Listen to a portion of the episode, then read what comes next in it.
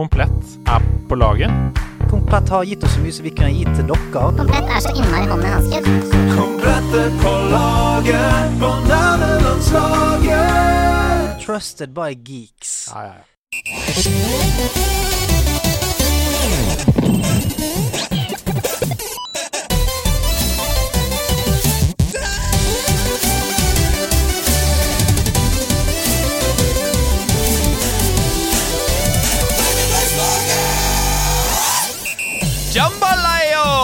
Sitter Hasse Hope klar for å snakke om spill sammen med sin far. Men ikke bokstavelig talt. Han er nemlig Hasses gudfar når det kommer til både spill og podkast. I tillegg er Andreas Hedemann en norsk gitarist, sanger, artist, komponist og humorist som gjennom sin karriere har komponert og fremført en rekke visesanger og jazzlåter. Nå er han her for å vise dere hva gaming handler om! Andreas Hedemann. Oh, I am your father. I am I, I am your father. I am your father. Ok, um, nå, lurer, nå lurer jeg veldig på er, er det, er, er, er, Står det parentes i catchphrasen 'si det med en viss dialekt'? Ja, ja det det gjør det, ja. altså- Men jeg, jeg øvde i går. Da jeg satt med dette i går, så øvde jeg, og jeg bomma fullstendig nå. Okay. Jeg, Det skulle være mye bedre da jeg begynte, men jeg hadde glemt øvinga mi. For her står det Hei, jeg har tenkt lenge på en catchphrase. ja. Eh, Jeg liker at man har tenkt lenge på dette. Hva kan være gøy, og hva kan sies flere ganger? Liksom, Hva er det man kan bruke om igjen? Jeg satt med sønnen min og spilte Lego Star Wars i går, og da slo det meg. I, I am your father.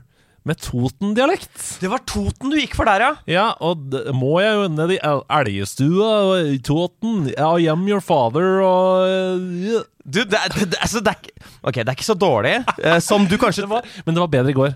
Det var det helt sikkert. Fordi eh, jeg føler ofte at man kan ende opp i en slags trønderdialekt når Ja. man prøver på Toten noen ganger. Eh, og vice versa. Vent, da. Nå er vi nede på Ja. Jeg skal ikke I am your father.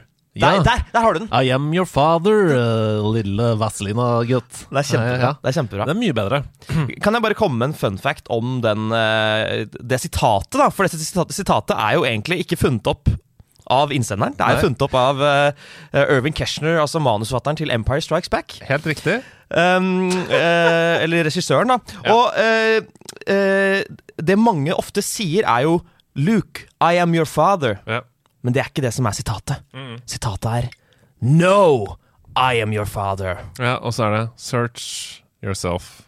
You know it to be true, eller et eller annet. Ja, Ja. helt riktig. Det kommer på. Så folkens, ikke si Luke, I am your father. Nei. Eh, Digital har sendt inn den eh, catchphrasen. Takk for det. Uh, yeah, I, I am your father. Jeg må si det. yeah først. Ja, men ja, du mista det litt. Du hadde det kjempebra i Ja, stad. så bra. Da klipper vi ut det, og så bare har vi bare det i episoden. Gjør ikke det. Eh, hvordan har du det, Hasse?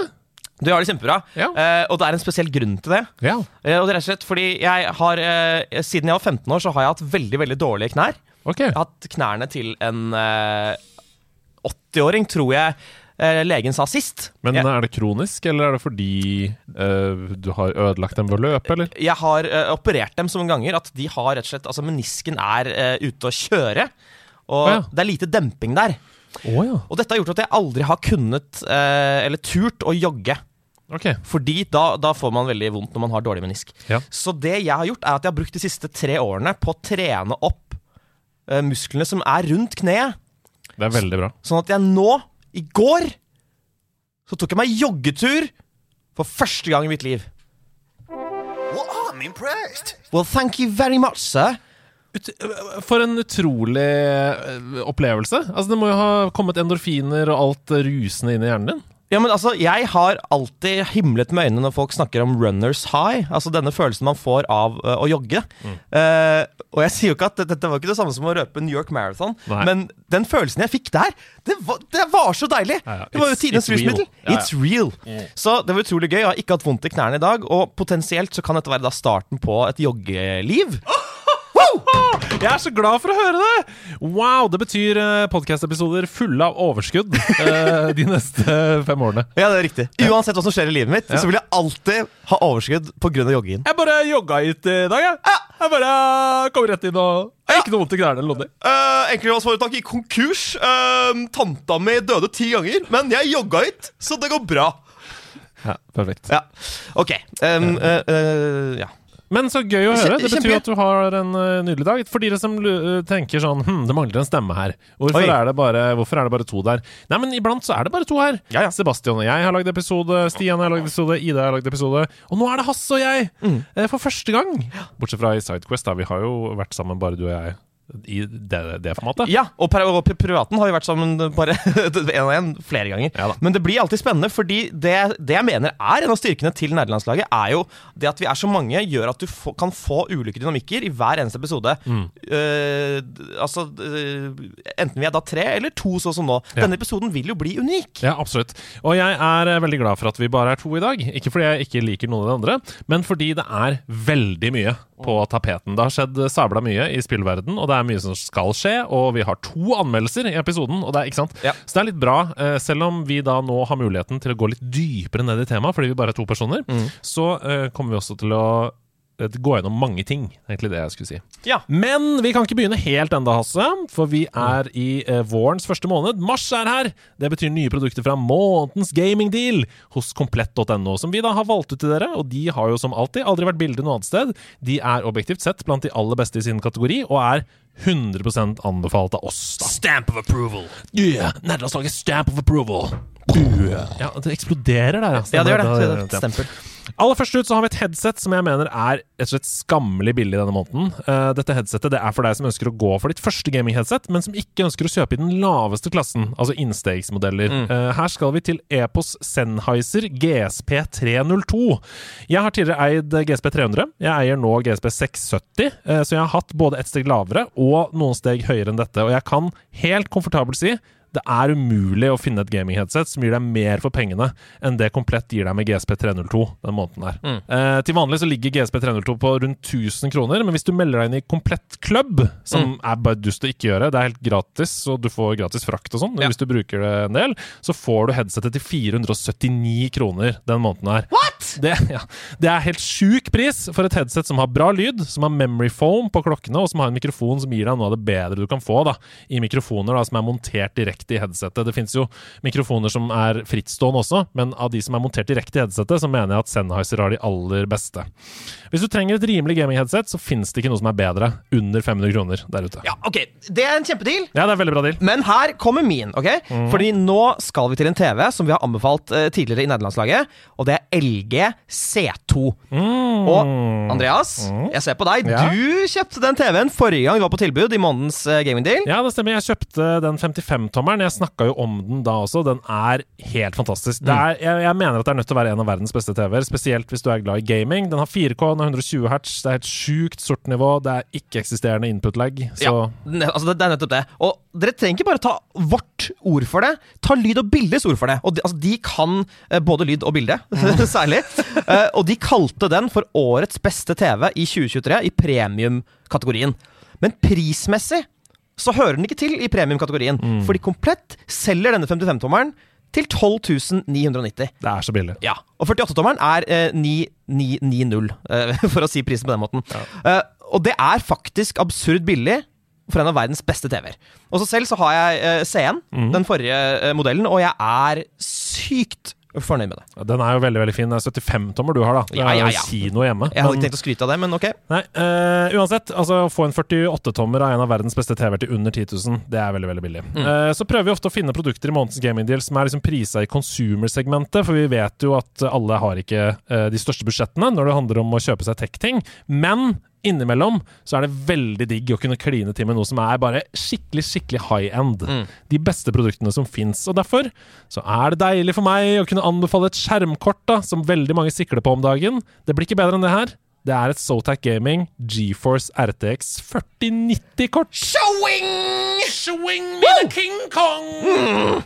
Alle de som bygger PC, de vet hvor sjuk performance 4090 gir. Det er 200 pluss eh, FPS med ultrainnstillinger, full raytracing. Det er peak gaming i 2023, rett og slett. Så hvis du er en entusiast og bygger PC, og du har lyst på det aller, aller beste, så selger altså Komplett nå 4090-kortet for 21 799 kroner.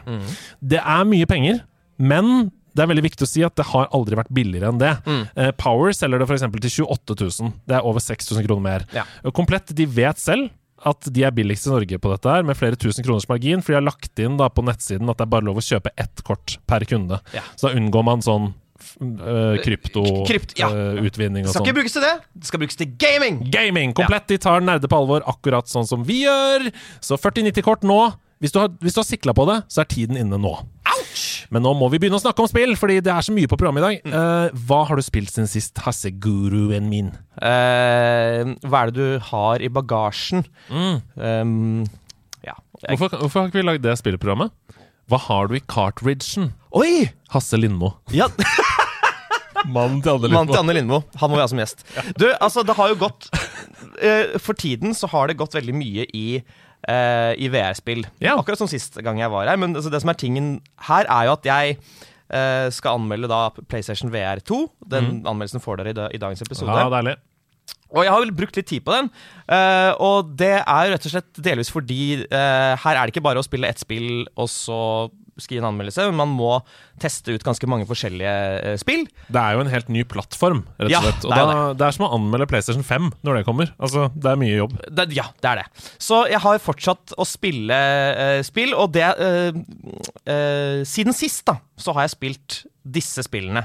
Jeg er litt interessert aller først. For Ja. dette er en um, viktig ting for meg dersom jeg skal kjøpe meg PlayStation VR 2. Ja. Eh, nå har du spilt mye VR med PlayStation VR 2. Ja. Blir du sliten? Altså Er det sånn at du nå kjenner sånn eh, at det tar på å, ba å bare spille VR-spill? Fordi det å spille PlayStation VR 1 over lengre perioder blir man objektivt, tror jeg, eh, sliten av, da. I større grad enn å spille bare på skjerm. ja. Altså, jeg- kjenner til eh, den der, og altså, det er jo helt klart Man blir jo mer sliten av å spille et VR-spill i fem timer enn å se på en skjerm. Så det, det tror jeg ikke man kan gjøre noe med. Eh, men det er adskillig mye bedre Ja. enn eh, eneren. Mye pga. disse OLED-skjermene som har en sinnssyk oppløsning. Ja. Presser, Um, headsetet presser sikkert ikke så mye på hodet og sånn. Som Kjem- det første. Nei, det er kjempebehagelig headset. Ah, okay. ja. Ja. bra, bra. Eh, brillemessig kan ikke jeg eh, snakke om. Det kan bare du snakke om. Ja, nei, jeg har øhm, hørt fra sikre kilder at uh, linser er anbefalt på VR2 Ja. uh, for den beste opplevelsen. Men Det går sikkert an med briller også, men uh, for min del blir det Linsegurtens linsetid. Det er så fett å endelig få se deg med linser. Det har jeg hatt lyst til hele vårt vennskap. Ja, det er bra. Så ja, um, det er jo en viktig del av det. Uh, og dere kommer til å få høre alt om dette, og om tekniske spesifikasjoner, og om hva som er nytt, og hvordan, hvordan settet er i forhold til andre konkurrerende, selvfølgelig. Men det er jo disse spillene, da. Og det jeg har prøvd siden sist det, Disse titlene eh, det, det lukter ikke svidd av disse titlene, men kanskje det skjuler seg perler bak disse titlene. Det er viktig å ha, ha mangefasettert inntrykk. Ja, og det ene er da Fantavision 22X. Fantavision 22X. Det er den faktiske eh, tittelen på, på spillet. Eh, og det er rett og slett et spill der du sitter, og så ser du utover liksom, en skyline eller en himmel altså, eller en bukt eller noe sånt, Ja. og så kommer det da Du vet sånn uh, flare, sånn flare gun. Oh, ja. Du vet, ja sånn, sånn Sånne lys... Jeg vet ikke hva man kaller det på norsk. Varselspistol? Ja, jeg vet ikke. Signalpistol? Signalpistolaktig Mm, lys som går opp mot himmelen, som har forskjellige farger. Og så skal du connecte farger som er de samme. Okay. Og hvis du klarer det kjapt, så vil de eksplodere i veldig vakre fyrverkeri. Ja, det, men er det liksom fantasy og Vision blanda, eller er det drikken Fanta som har sponsa dette? Jeg, eh, jeg tror ikke Fanta har sponsa det, for i så fall har de gjort en veldig dårlig jobb med, Ja. å, med å, å si eh, 'drikk Fanta'. Ja. Så jeg lurer på om det er mer sånn fantasia-fantasi-biten. Ja. Eh, jeg vet at du egentlig stilte det som en spøk, men jeg valgte å bare svare på det helt seriøst. Akkurat som jeg ville. Ja. Så det, er, det er litt sånn Jeg kan ikke si at det er i samme gate som Bejeweled, eksempel, men altså, det konseptet med å kombinere farger og sånn, det er jo litt den samme eh, vibben. Um, det er ikke så gøy.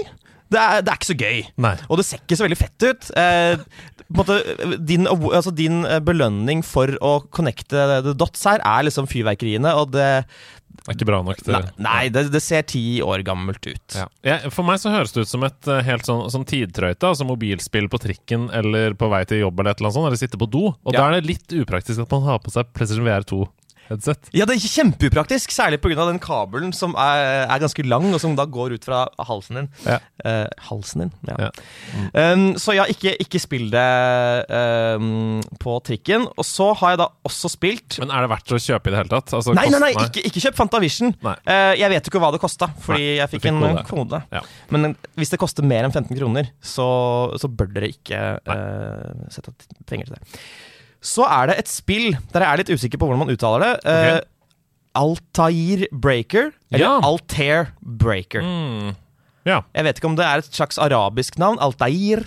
ja, fordi uh, Er ikke det en um, uh, Assassin's Creed-karakter? Det er det. Ja. Så jeg vet ikke om det er det de sikter til, da. Um, og dette er et mer interessant spill som har hatt uh, en slags hype, eh, i den forstand at eh, det er ikke så Altså, det skal sies at PlayStation VR eh, har ikke hypa opp så veldig mange spill i forkant. De har hypet mer opp systemet, men det er flere som har sagt om det spillet her. Ja. Og det er et multiplayer sverdkjempespill. Oi! Og det er gøy i VR. Det, Det- kan jeg se for meg gøy. Ja, ikke sant? Teorien der er jo eh, kjempegøy, og det er jo noe av drømmen til mange er jo for eksempel å kunne For eksempel å kunne uh, kjempe med lyssverd, da. Det er jo Ja, helt ja, perfekt. Så eh, det, det handler egentlig om at du eh, spiller mot andre, eh, og så har du sverd, og så er det da et brett. Og så spiller du gjennom det eh, brettet, og du skal fjerne Det kommer bølger av fiender, og du, du har et skjold der du kan dodge, eller ikke dodge, men ta imot angrep. Mm. Det kommer forskjellige fiendetyper, totalt tre. Eh, og det tar ca. 10-15 minutter å bli ferdig med det nivået. Og da er det det. Er det. Ok, Oh, det er, Vet du hva? Dette er en, eh, en innsigelse jeg har Ja. mot PlayStation VR. Fordi dette begynner bra. Det Ja. høres ut som det der eh, slåssespillet der hvor du velger forskjellige eh, eh, klasser. Enten Warrior eller hva det Altså Du vet det der slottet hvor du som går inn i, og så er det et online slåssespill. Du slåss mot andre hele tiden. Jeg husker ikke hva det heter. Chatten på Twitch kan sikkert hjelpe meg. Å ja, det ridderspillet Ja. uh, Chivalry 2? Nei, ikke Nei, Chivalry. nei. Det andre. Okay. Det, det um, Ja, eh, Brute For Honor. For Honor. Ja. For Honor. Mm. Det er det det høres ut som. Men så faller det sammen fordi det blir bare en tech-demo. Og det er liksom sånn Jeg har lest én innsigelse mot consumer-VR i PlayStation Mm. hittil av uh, anmeldelsene, som er sånn Når får vi Triple A-spillet? Altså som ikke Ja, ja. bare føles ut som en maksimalt fem til seks timers opplevelse, liksom. Ja. Uh, hva tenker du om det? Du, nei, jeg, jeg er helt enig, og det er jo inntrykket jeg får av en del spill som jeg føler kanskje eh, har blitt laget for å eh, For å høste litt av den hypen som headsetet får. Da, at Ja, ja. folk vil på en måte bare kjøpe spill i starten uansett. Um, men det er, det er veldig tydelig i det spillet her. Altså at du har ett brett, og så kan du på en måte levele det opp til nivå 20, men hvis du bare tar brettet om og om, om, om igjen.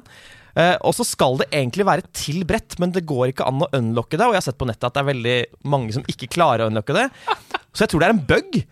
At det egentlig er et brett til. Uh, pluss at det er, det er sinnssykt mye bugs og feil når du spiller. Altså Fiendene de, hopp, de, de, de hopper bakover fra uh, plattformer, og så plutselig så er de i live igjen. Uh, og d- sånn treffdeteksjon, altså når fiender liksom eh, skal oppdage deg, er liksom helt off. da Ja. Så du merker at dette her sannsynligvis blitt laget i hui og hast. Ikke sant? For å komme med til release. Jeg tror det. Ja. Ja, så igjen da, jeg vil veldig gjerne at det skal lages eh, sp spill, VR-spill basert på sverdkamp. Det kan være kjempegøy. Altså Chivalry 2 hadde vært dritfrikkings gøy! Ja. Um, så jeg håper ikke det er eh, et, eh, et varsko der. Nei, jeg tror ikke det. Jeg bare tenker at uh, hvis PlayStation VR 2 Det er jo ganske dyrt for utviklere å utvikle spill til den plattformen. Ja. Fordi det er en helt annen prosess å utvikle spill. Det er derfor også man sliter med disse Triple A-opplevelsene. Du må utvikle i mye større grad i 360 grader ikke sant? Mm. når du skal tenke på hvordan det skal utvikles. Ja. Uh, I flere spill, sånn som f.eks. Uh, Pokémon Scarlet og Violet, så er jo ikke områdene engang loada bak karakteren. Når man, eh, når man ser eh, rundt seg. Og så loades området i real time idet karakteren snur seg, for å spare maskinkraft. Ja, men Det er vel det som Unreal 5, eh, Engine 5 skal være så god på, da. Ja. Som liksom, men det Nei, og Hvis du har på VR, så da må du jo hele tiden være hele hele Ja. overalt. da Så Ja. det er øh, vanskelig, men øh, Ja. Det var, det var det jeg skulle si. at det er eh, noe av grunnen til at det ikke har utvikla så store spill, Mm. men også til at disse spillene som kommer til release, er såpass naive, da. Mm. Jeg ser for meg at uh, vi, de, mange håper nok at det skal bli en salgssuksess. Mm. Sånn at de ser sånn Ja, vi kommer til å få igjen pengene våre hvis vi legger arbeid i dette. Mm. Så kanskje to år down the line Kanskje vi da får Altså, jeg ser Sneak i chatten her skriver Det nærmeste man kommer Triple A i VR er å spille Gran Turismo 7 Ja. i VR. Ja. Eh, Så kanskje enn så lenge så er de kuleste opplevelsene de som lager Triple A-spill, og også lager en mode, Ja. på en måte. Jeg vet ikke. Ja, det tror jeg absolutt. Altså, det er ingen tvil om at eh, The Killer Apps altså, jeg- mener at PlayStation V2 ikke har en killer app ennå. Altså, et killer-spill. et Ja. spill som, som gjør at du alene vil kjøpe Mm, mm, headsetet. mm. Men det nærmeste man kommer, er Gran Turismo 7. Ja. Uh, selv for meg som ikke syns bilspill er gøy, så er dette ganske fett. Mm.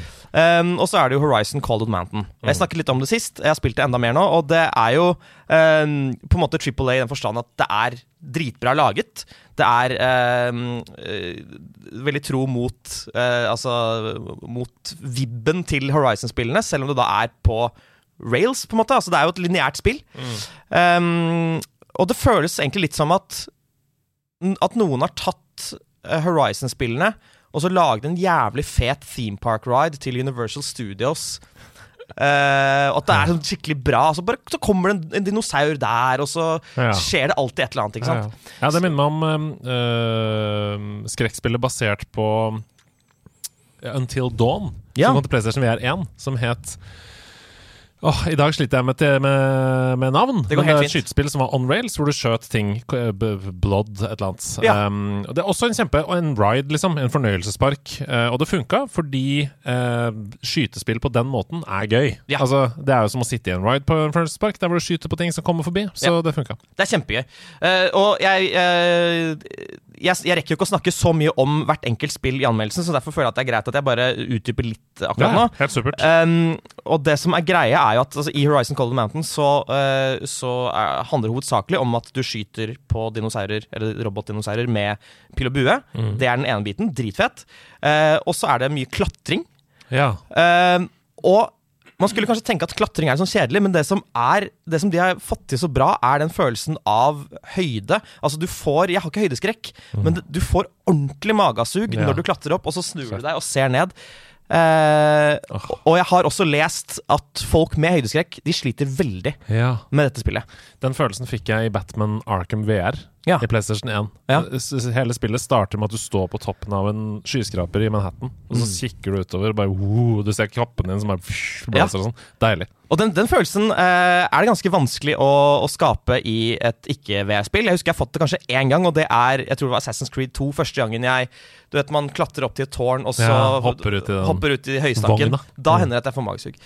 Um, så hvis dere har, har høydeskrekk, så ville jeg ja, tenkt litt på det. Om Ja. dette er noe uh, for dere.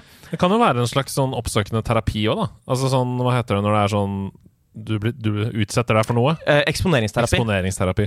det kan det være. En del VR-teknologi brukes jo til det. Altså f.eks. mot arachnofobi. At man på, på tre nivåer kan nærme seg en edderkopp i egen, eh, eget tempo. Eh, eller at man kan stå på en scene foran en sal. Ja. Hvis man syns det er skummelt. Ja. Å holde en tale, f.eks. I psykologi så er det ganske mye brukt VR for eksponeringsterapi. Kunne det Altså, jeg, jeg, kan- jeg kan ikke love noe nå, men jeg har ekstrem arachnofobi. Ja. Kanskje vi kan lage en uh, liten eh, snutt der jeg tester ut det. Veldig gjerne. Jeg tror Ja. det kunne hjulpet deg også. Ja.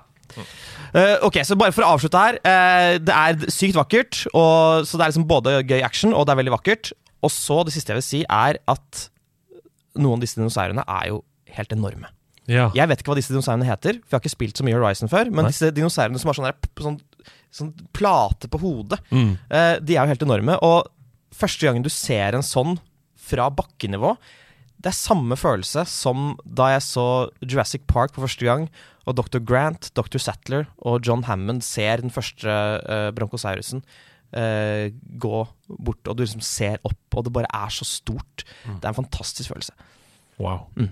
Jeg fikk veldig lyst til å teste det. Ja, det, det er et dødskult, uh, dødskult spill, selv om det ikke på en måte er et Altså, det er seks timer, men det er fortsatt seks veldig gode timer. Men er det sånn, hvis du får noen på besøk som aldri har prøvd VR før, er det dette du da viser dem, på en måte? Er det Fordi jeg husker med på PlayStation VR 1 så brukte jeg VR Worlds, som var det som fulgte med PlayStation. Som er sånn du sitter i et bur og blir senket ned, og det kommer en hai og sånn. Eh, Folk syns det var veldig veldig fett og imponerende, da. Ja.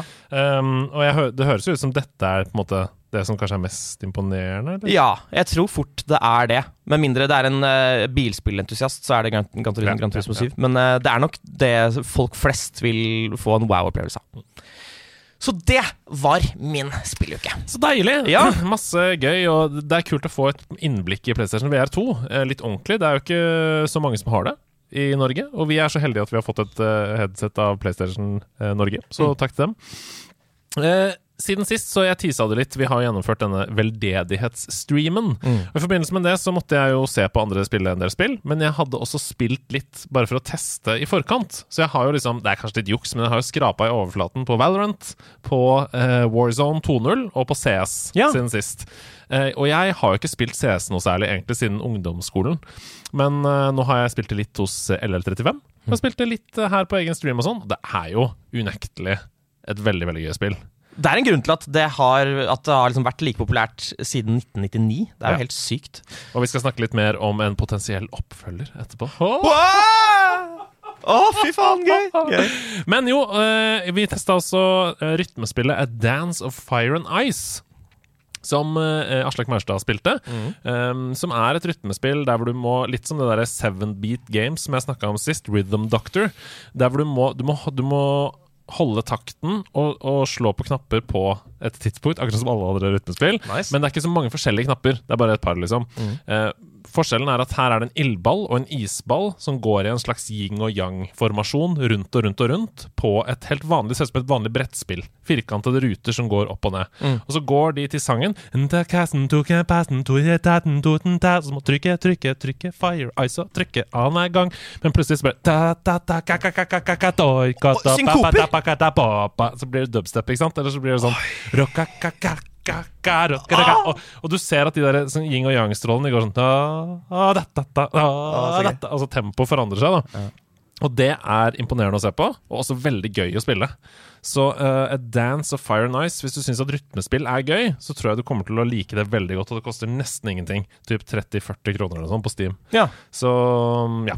Er det et av de topp fem beste rytmespillene i den sjangeren der? I hvert fall som jeg har spilt. Jeg har ikke spilt så veldig mye rytmespill, men jeg syns at musikken var veldig kul. Låtene som er innebygd der, er lagd av på en måte typisk sånn indie, elektronika, Soundcloud-artister og sånn. Funka veldig bra. Um, og som sagt, mekanikken var kul, og akkurat utfordrende nok.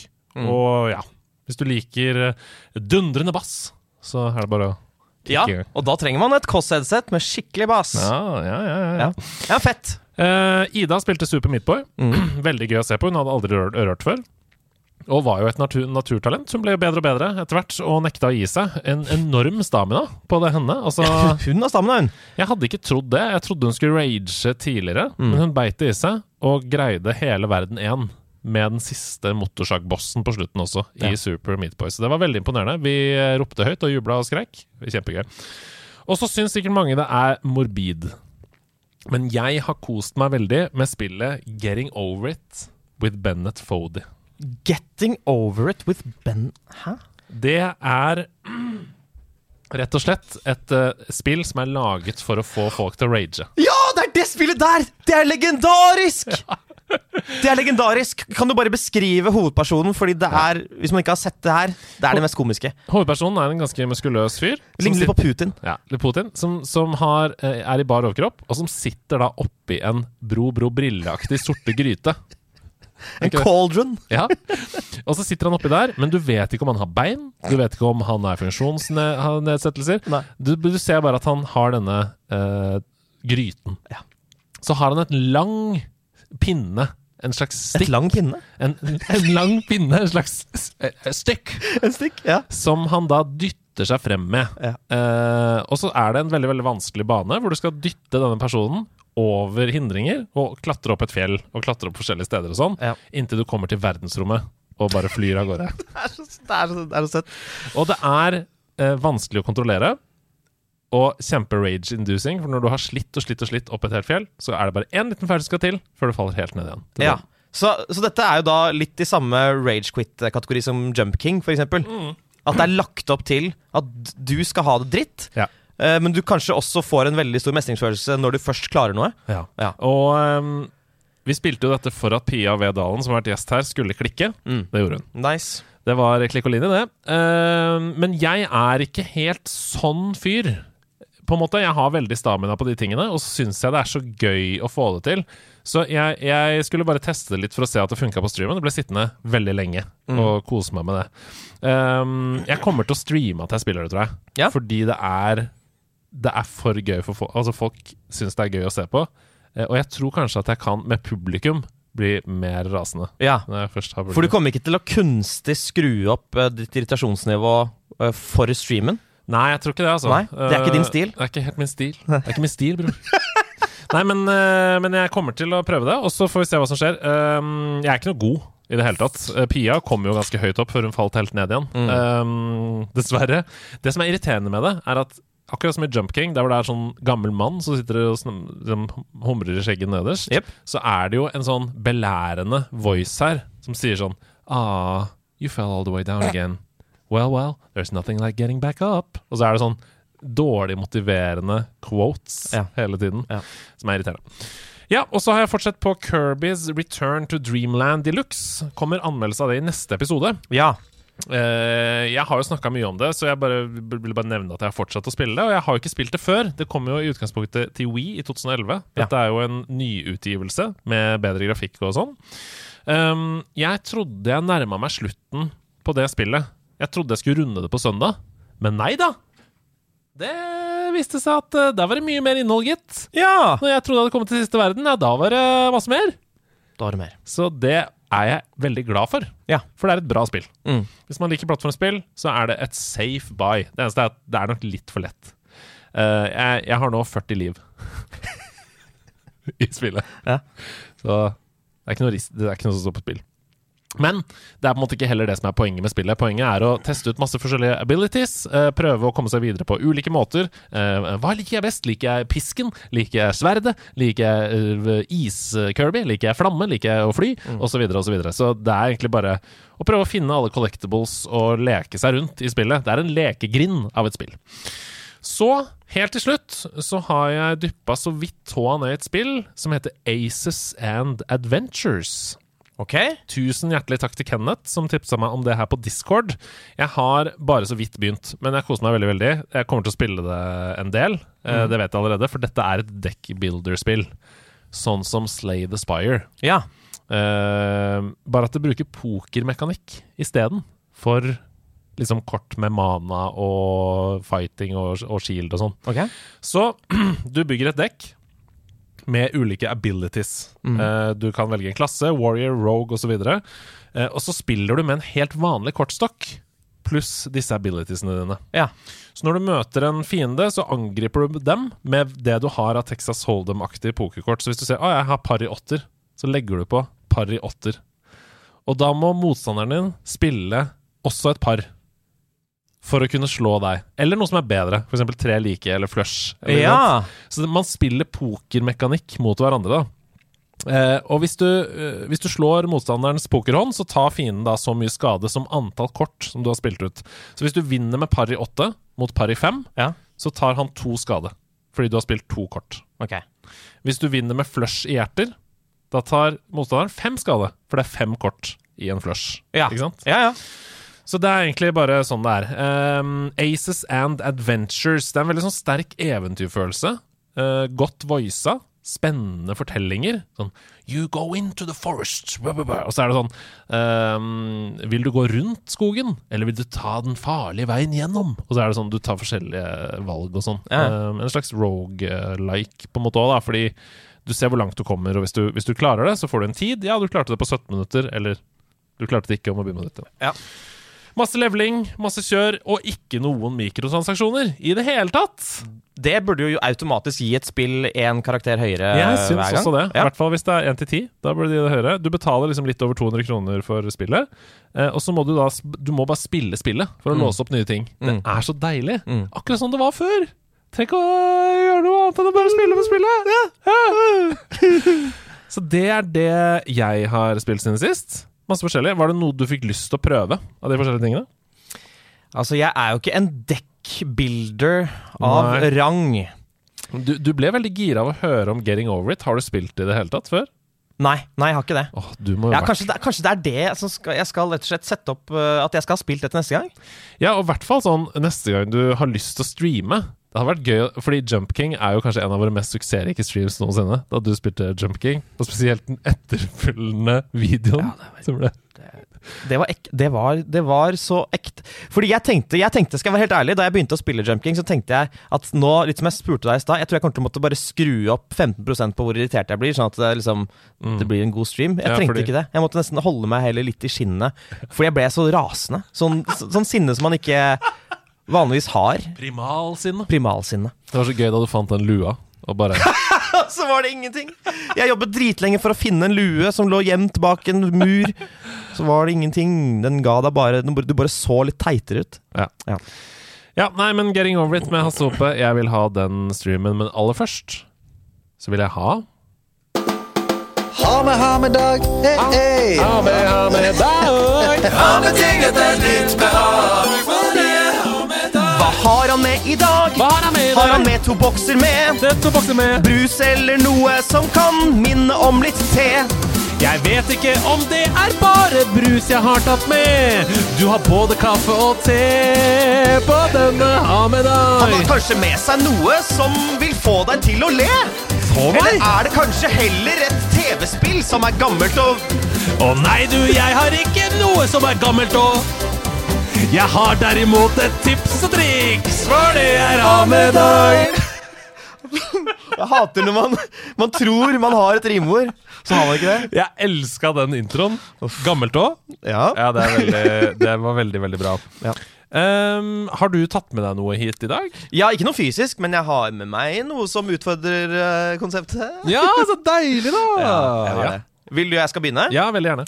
Ok, fordi da vil jeg bare begynne med å snakke litt om humorteori. Åh Fordi for jeg lurer på om det var ti, ti år siden ish, så ble det gjort en stor stor undersøkelse i hele verden, der de Ja. skulle finne ut av hva er det som er eh, mest universelt morsomt for alle. Altså Oi. i, i gjennomsnitt, hva er det som lettest får folk til å le? Oi. Og eh, på andreplass Har noen tanker? ja, man har, man har jo tanker der. Ja.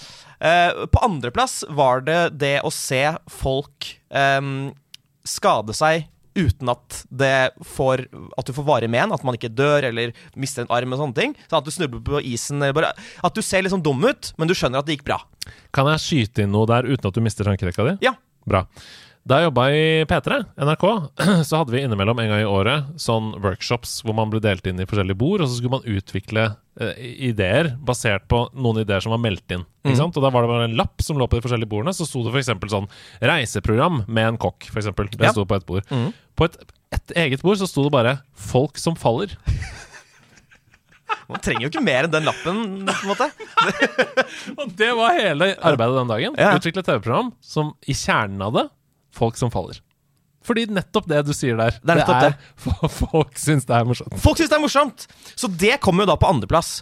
På førsteplass så var det det å se et menneske prøve å holde seg øh, alvorlig, men så begynner de å le. Eh, og eksempelet de brukte da, var uh, en nyhets nyhetsoppleser fra BBC Ja. som uh, skal snakke om en, eh, en alvorlig ting. Eller ikke sånn folkemordalvorlig ting, men bare sånn en seriøs ting. Ja. Eh, men så har det jo nettopp vært et klipp som er, der, der det skjer et eller annet gøy, og så prøver de å holde seg, og så kommer det da etter hvert latter. Og det, det, å, det å se folk slite med det, er det som er mest universelt morsomt for hele verden. Ja. Og uh, dette har jo da uh, VGTV og Mads Hansen hatt stor suksess med i Ikke lov å le på hytta. Det er jo det som er hele konseptet, og grunnen til at det uh, har blitt kjempesvært. Og ikke minst den der vitsegreia som var først. Den der sprute vann på hverandre. Sitte, altså sitte Du og Magnus Devold, for Ja. eksempel, sitter ansikt til ansikt. Det het, bare- det, det het Ikke lov å le, Ikke lov å le, bare. Ja. Men det som er tingen, er at Ikke lov å le har eksistert lenger enn den eh, norske versjonen. Altså, eh, det finnes andre land som har laget det, Ja. og uten tvil, det landet som har naila det aller best, det er Japan. Som Oi. med så mange andre ting. Um, og i Japan så har de et program som heter Det er en veldig rar tittel. Documental. Jeg tror ikke de helt tatt skjønt hva det er de prøver å, å si med den tittelen, men det heter Documental. Ja. Og det er rett og slett da en komiker som heter Hitoshi Matsumoto, Mhm. som er uten tvil eh, den største komikeren i Japan. Altså eh, på en måte hva eh, Atle Antonsen var eh, før oktober eh, 2022. Okay. Altså sånn at hvis, hvis man spør en person hvem er den største komikeren i Japan, ah, ja, det er Hitoshi. Ja. Eh, Så han er på en måte lederen, og så eh, tar de da eh, de ti største, flinkeste komikerne i Japan inn i et rom. Det er ikke en hytte, det er bare et rom. Sitter de rundt et bord. Og der, til forskjell fra ikke å være på hytta der du på en måte kan sanke poeng og, minuspoeng og sånn, så er det at hvis du ler, så får du et gult kort. Hvis det skjer igjen, så får du oransje kort. Og hvis du da ler en tredje gang, da er det rødt kort, og du er utvist. Ja. Men det som, er, det som da er ekstra gøy, er at hvis du blir utvist, så kan du ikke lenger vinne. Du kan ikke lenger vinne pengepremien. Alle må ta med seg eh, 100 000 kroner. Alle må ta med seg 100 000 kroner eh, til dette rommet, av sine egne penger. Oi. Så til sammen så er det jo da en million kroner. Eh, som er, det, det i seg selv er absurd. Eh, programlederen må også gjøre det. Han er ganske sur for at han må gjøre det hver gang. Eh, og hvis du da ryker ut, så kan ikke du vinne de pengene lenger, men du kan komme inn igjen i rommet som en zombie. Å ja. Og det vil ikke si at du Altså ikke bokstavelig talt zombie, men en slags person som ikke kan vinne, men som kan gjøre hva som helst for at de Mm. andre eh, skal begynne å le. Som Jon Brungot Som- Ikke lov å le på hytta. Akkurat som Jon Brungot. Og dette skjer hele, hele tiden. Eh, og det er rett og slett så forbanna gøy. Og det, dette er like gøy for folk som ikke har studert japansk. Eh, Ja, ja. Det er teksta på, eh, på Amazon Prime. Og eh, jeg mener at eh, japanere har Altså, de to store humorlandene i verden er jo USA og Storbritannia, ikke sant? Mm. Eh, jeg mener at Japan er på en veldig god tredjeplass. Ja. De, har, ja. eh, de er veldig gode på slapstick, de er veldig gode på rare ting. Eh, de er veldig gode på lytehumor. Og de er, veldig, de er kjempeslemme med hverandre. De, de sier grusomme grusomme ting som aldri man kunne sagt på, eh, på norske TV-programmer. ja, ja. Ehm, og det er, altså, det, er bare, det er bare kjempegøy. Og de, de drar det i så rare retninger. Og eh, de har blant annet liksom en, en mikrofon eh, på do. Sånn at hver gang noen er på do, så får du høre det. Og da prøver Ja. folk da for eksempel å bæsje på veldig morsomme, rytmiske måter og sånn. altså, det, det, er, det er helt nydelig. Ekstremt universelt. Det, det høres ut som eh, noe jeg veldig gjerne har lyst til å se på. Ja, og jeg tror det ligger tre eh, sesonger ute på Amazon Prime. Sesong tre er best. Ja. Hva, hva er det heter, sa du? Documental med Hitoshi Matsumoto. Documental, ja. Ja.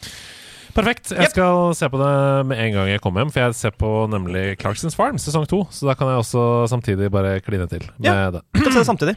For et par uker siden Ja. så var jeg hjemme hos min gode Gran Turismo-kompis, som jeg har nevnt her et par ganger i podkasten, nemlig Hans Magnus.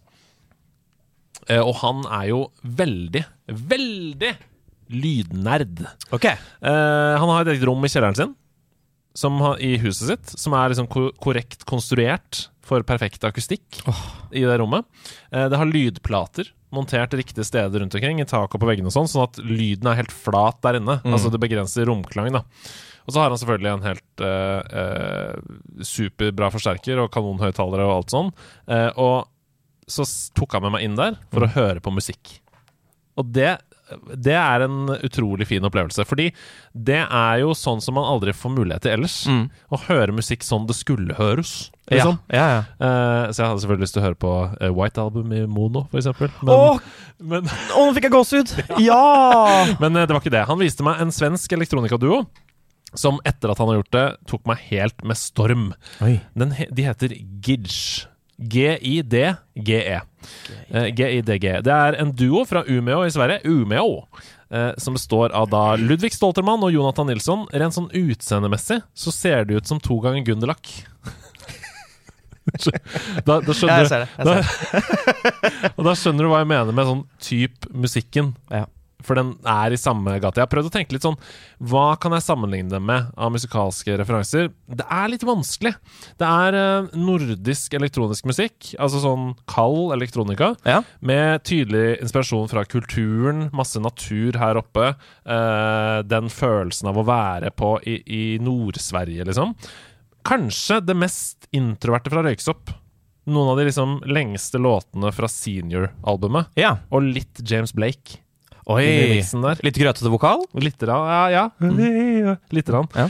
Det er i hvert fall utrolig digg å stresse ned med. Eh, jeg drømmer meg helt bort i det når jeg hører på det, eh, og det er veldig veldig deilig å jobbe til. Hele manuset til denne episoden her ble skrevet med Gidge i bakgrunnen, så jeg skal bare sette på litt eh, nå, bare sånn som referanse, sånn at vi, uten å bli content-blokka selvfølgelig, men kan høre på litt av det. Nå bare hopper jeg Dette er sånn veldig lange låter, så jeg hopper bare midt inni en, sånn at du skjønner liksom typen musikk, da.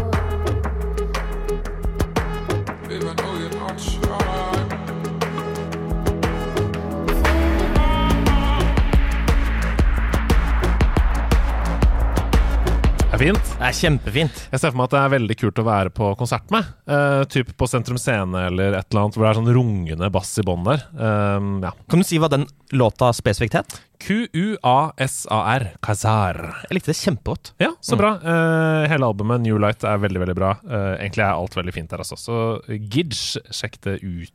Eh. Og ikke minst bli kjent med noen som har uh, lydrom, for det der fikk jeg veldig lyst til å teste ut. Ja, for, ja det, var, for det var en veldig god opplevelse. Um, innimellom så er det sånn um, Classic Albums-konserter rundt omkring i Norge. eh, der hvor man bruker sånn fantastiske album fra Nei, eh, høyttaleranlegg fra hifi-klubben og sånn. Ja. Man sponser med dem, og så bare sitter man sammen i et rom og hører på f.eks. OK Computer, da, sånn som jeg gjorde på Kulturhuset. Det var helt fantastisk! Ja.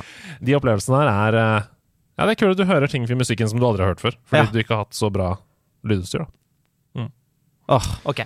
Jeg skal bli kjent med han, og så skal jeg ta over det vennskapet. Ja, gjør det! Vi skal snakke litt om nyheter!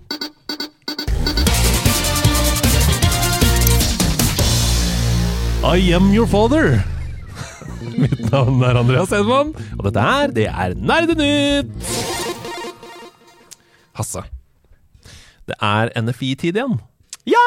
Ja, Den tiden elsker vi i nerdelandslaget. Det er jo tiden der hvor Norsk Filminstitutt deler ut masse masse penger til norsk spillutvikling, og så kommenterer vi da på de nyhetene fordi vi gjør oss selv til sånne store dommerfolk. Eh, og så kommenterer vi på den lille heispitchen av spillene vi får servert. Eh, og da skal vi da hylle eller slakte Ja. disse norske spillene. ja, så her skal vi ikke tildele penger. Vi skal bare si Jo. Jo da. Jo.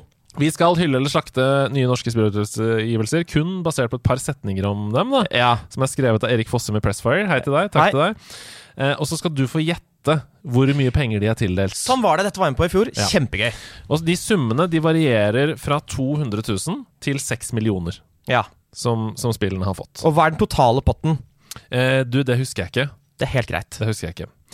Det er fire nye spill som har blitt tildelt penger denne gangen. Og så er det to prosjekter som har fått støtte tidligere, som har fått litt mer okay. uh, i denne runden. Og først ut så er et nytt spill fra Megapop, som er et uh, spillselskap her i Oslo. Det ligger borte på Røkka. Uh, det er jo et selskap som vi snakka om for bare et par uker siden, for da spilte jeg Rob Riches, som er deres puzzle-spill til Nintendo Switch. Eller det er til andre plattformer òg, men det kom nylig til Switch. Veldig bra puzzle-spill på Switch, hvis man har lyst på et håndholdt puslespill på bussen. Men det er ikke det vi skal snakke om nå. Nå skal vi snakke om Life Below. Low, low, low, low. Wow, Fra Megapop. Ja. Nå følte jeg var et lydrom. Ja. Her, og her kommer pitchen. Ja. Life Below er strategispillet som setter deg i rollen som forvalter av havet, og lar deg bygge korallrev for å ivareta økologien og undervannslivet. Megapop omtaler selv spillet som ikke en city builder, men en reef builder. Hva syns du? Du skal, du skal bygge ting i havet. Ja? Altså bygge på en måte Atlantis. Altså, jeg, bare- Nei, du skal, du skal på en måte Altså reef builder, da er det korallrev. Da. du skal bygge korallrev. Du skal by ja, for å ivareta økologien i, i havet. Det høres veldig PK ut. Ja, det? det gjør det, og vi er jo ikke glad i PK her. Vi er jo eh, Norges eneste anti-woke-pod.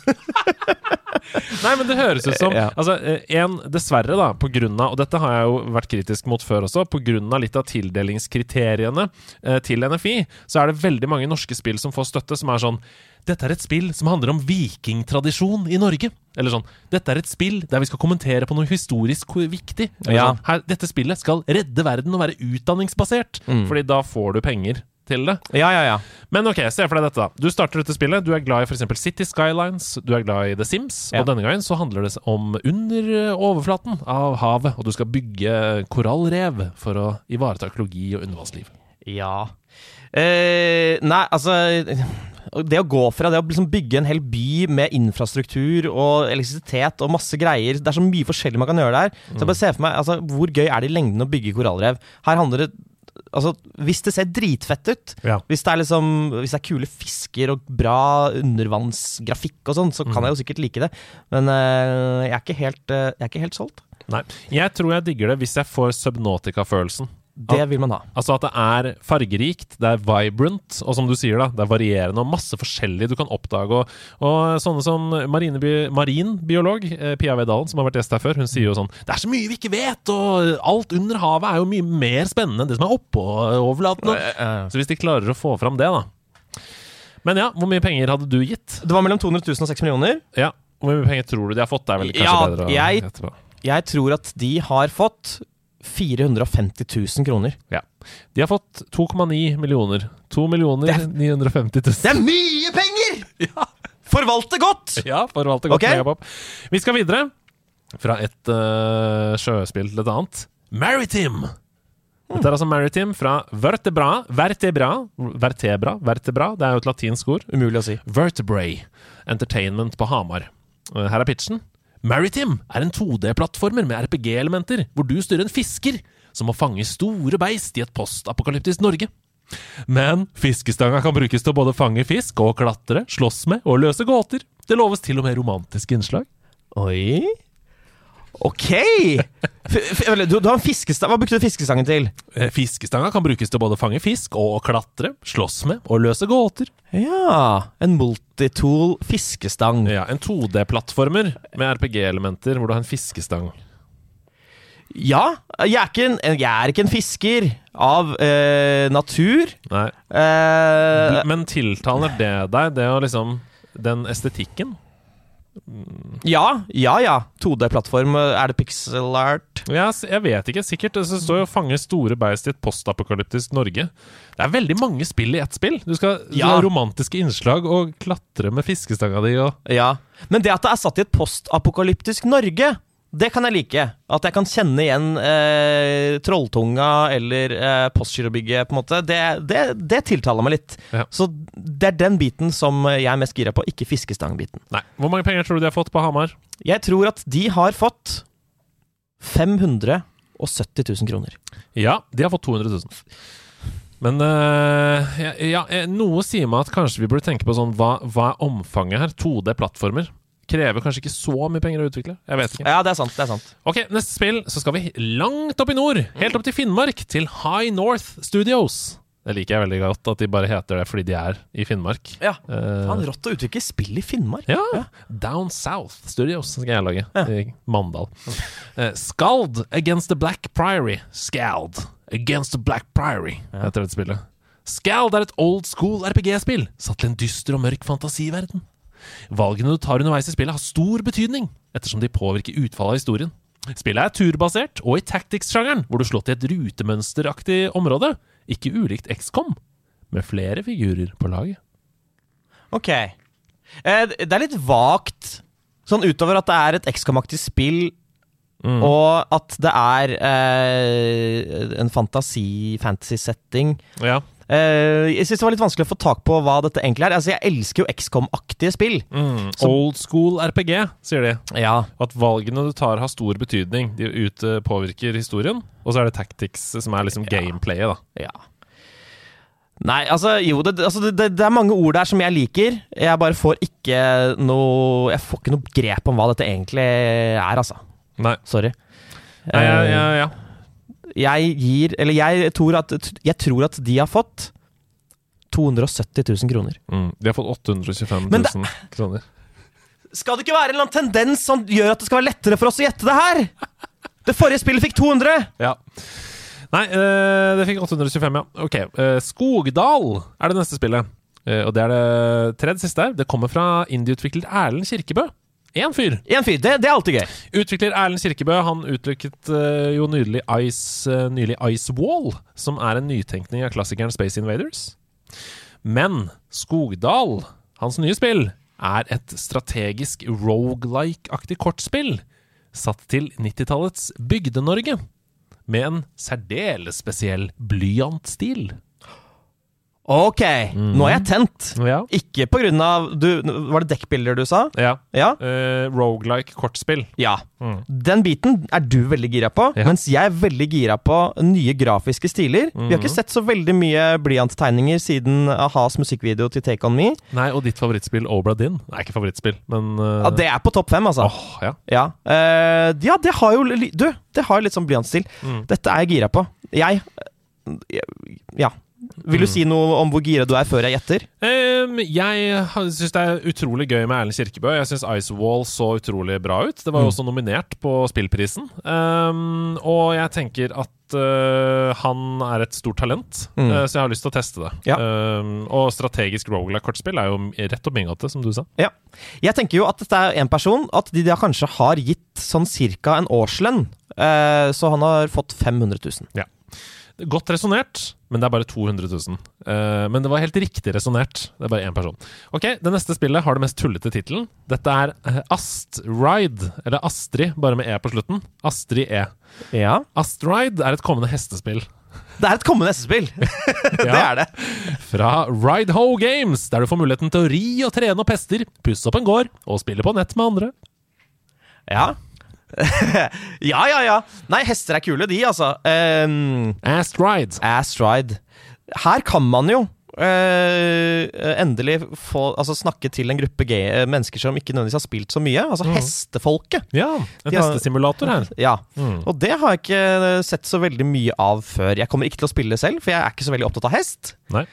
Uh, men jeg har flere uh, Min kusine Min kusine på tolv, hun skal jeg gi det spillet til. Hvis Ja. det blir utgitt. Og dette spillet har fått 300 000 kroner. Ja, det har fått 781 000 kroner Sebastian er mye flinkere enn meg på det her. på penger. Ja. Men jeg, jeg føler at han har sittet i en sånn frifondkomité Ja. eller sånn UKM eller noe og delt Ja. ut penger. Vi skal til det siste spillet, og det er rett og slett Svalbard. Spillet fra Red Thread Games eh, i Oslo. Og Red Thread Games er vel et av de mest suksessrike norske spillstudioene bak Funcom og Among the Sleep-spillselskapet Krillbite, hvis ikke det er like suksessrikt.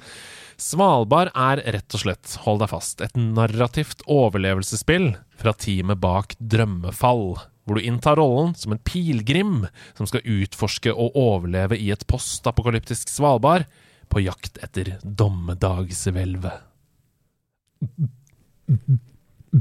Dette er Andreas som lager uh, hjertebank. Mm, Um, spennende. Ok, altså Drømmefall er jo et av dine suverene favorittspill. Ja, i hvert fall Den lengste reisen, men hele det universet der. Den Ja. lengste reisen, Drømmefall, Dreamfall Chapters. Ja. Veldig glad i det, ja. Mm. Så basert på det så kan man jo eh, få veldig bli veldig gira på det her. Jeg, jeg føler jo veldig mye skal nå være postapokalyptisk. ja. Så tenker jeg sånn Svalbard, det er så lite der at hvordan Altså Det er jo stort sett bare is der, så Ja. hvor postapokalyptisk kan det bli der? Is og fjell og nordjøsiske gamle byer. Gamle byer i Vladivostok Nei, det er i Russland. Men uh, ja, ja, ja, ja.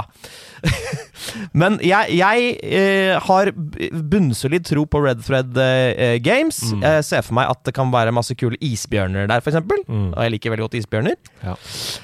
Så eh, de har nok fått en god slant. De har faktisk fått 2,7 millioner kroner. Mm. De har fått 6 millioner. Gratulerer med dagen, da. Mm. Fy faen. Og det er andre gang de får penger. Så nå tror jeg de har fått eh, over ti millioner til dette spillet. Og det er jo eh, kjempedyrt å lage Dette er et storspill, altså. Mm. Eh, det, var det Draugen, det forrige spillet dere set, Som også var et sånt eh, Ragnar Tørnquist-spillet, ja. Og det er jo Ragnar Tørnquist er jo også i kjernen av utviklingen her, Mm. i Svalbard. Jeg gleder meg veldig til dette. Jeg tror det blir utrolig gøy. Mm. Takk for en fin runde. Takk det samme. Vi skal ut av landet, vi. Vi skal ut og bygge byer igjen, nemlig, i spillet som har fullstendig overtatt Citybuilder-markedet etter den feilede SimCity-franchisen. Tenk at de kom med et spill liksom for ti år siden, og så var det så dårlig at det bare døde, hele franchisen. Helt Mm. utrolig. Men nå har altså Cities Skylines tatt over det uh, hullet i spillmarkedet. Uh, Paradox Interactive og utvikler Colossal Order De har avslørt oppfølgeren til det populære bybyggerspillet City Skylines. Det har jo solgt mer enn 12 millioner eksemplarer siden lanseringen i 2015. Vi vet ikke så veldig mye om City Skylines 2 enda, bortsett fra at spillet nå har årstider. Og vil ha støtte for mods i spillet fra dag én. Og det er jo veldig viktig i den typen spill som dette. Mm. Eh, For man ønsker jo f.eks. å lage for eksempel, eh, Hvis man er fra Canada, så vil man ha butikker som kun er i Canada. For Ja. eksempel, sånne ting. Mm. Eh, Spillet slippes til PC, Xbox Series SX og PlayStation 5 i løpet av 2023. Og Reaksjonene på nett de er veldig positive enda. Eh, Det spillet har en ivrig brukerbase. Det eneste som folk stiller spørsmålstegn ved, det er trenger vi egentlig en oppfølger til dette spillet. For dette er jo et spill som er i utvikling, ikke sant? mods osv., så videre, sånn som vi snakker om nå. Um, ja, men er det ikke gøy med nye ting? da? Jeg vet ikke. Det er gøy med nye ting. Uh, ja. Nei, altså, jeg tenker jo at dette at, som, Litt som du sier, at det kunne vært et Games as a Service-spill som bare får kontinuerlige oppdateringer, på en måte. mm. Men uh, de er jo helt tydelig veldig, veldig flinke på det de gjør. De har nå fått et slags monopol på det å Mm. bygge Mm. byer. Så Altså Hvis de bare ikke driter seg ut, så kommer det til å bli dritbra. Ja, det er mange som er veldig glad i det. Frida Ja. i Level Up for eksempel, spiller det masse og Ja. elsker det. Og apropos oppfølgere, et av verdens aller største spill ser nå ut til å få en oppfølger. Hæ? Det er Pressfire.no som skriver det. Ryktene har svirret lenge om at CSGO skulle få en oppdatering, slik som Dota 2 fikk for noen år siden. Altså bare en sånn ny motor under panseret. da. De skulle bare liksom oppdatere det litt. Men nå virker det som det er enda større ting i vente for verdens mest populære e-sport. Det er den erfarne og troverdige spilljournalisten Richard Lewis som skriver i en artikkel at han har kilder på at Valve jobber med Counter-Strike 2. Wow! Altså, Det er to ting der. Det ene er at det er Counter-Strike 2. Det andre er at Valve lager spill! Ja, det er helt utrolig! Eh, Counter-Strike 2 det skal kjøre på spillmotoren Source 2, som også er den som driver Half-Life Alyx. Uh, derfor så kommer det til å kommunisere dobbelt så ofte med servere. Altså ha dobbelt antall ticks da, som okay. det CS har i dag. Med andre ord oppleves langt raskere enn dagens CSGO, eh, og mindre sjanse for lag etc. Kildene sier at en gruppe proffspillere allerede har testa spillet hos Valve, og at betaen av CS2 er ute senest 1. april. Å, herregud. Det er en måned til, altså. Ja. Altså, CS2 Skal det virkelig skje? Skal det skje? Et helt nytt CS? Ja, for det kom i 1999, liksom. Ja. Og nå, altså 24 år senere Ja, og vi har jo hatt liksom CS 1.6, vi har hatt CS øh, hva, hva heter det? Source, Source. Og vi har hatt nå CS GO. Ja. Og da CS Source kom, så ble jo det et veldig stort problem for e-sportscenen. Fordi de ville fortsette å spille på 1.6, fordi Mm. Source ikke hadde Altså, det man var god til i 1.6 eh, å- ble ikke oversatt Mm. til Source. Så alle de som, hadde, som var profesjonelle utøvere, de var sånn Ja, men jeg er ræva i Source. Mm. Eh, Jeg, jeg må fortsette å spille 1.6.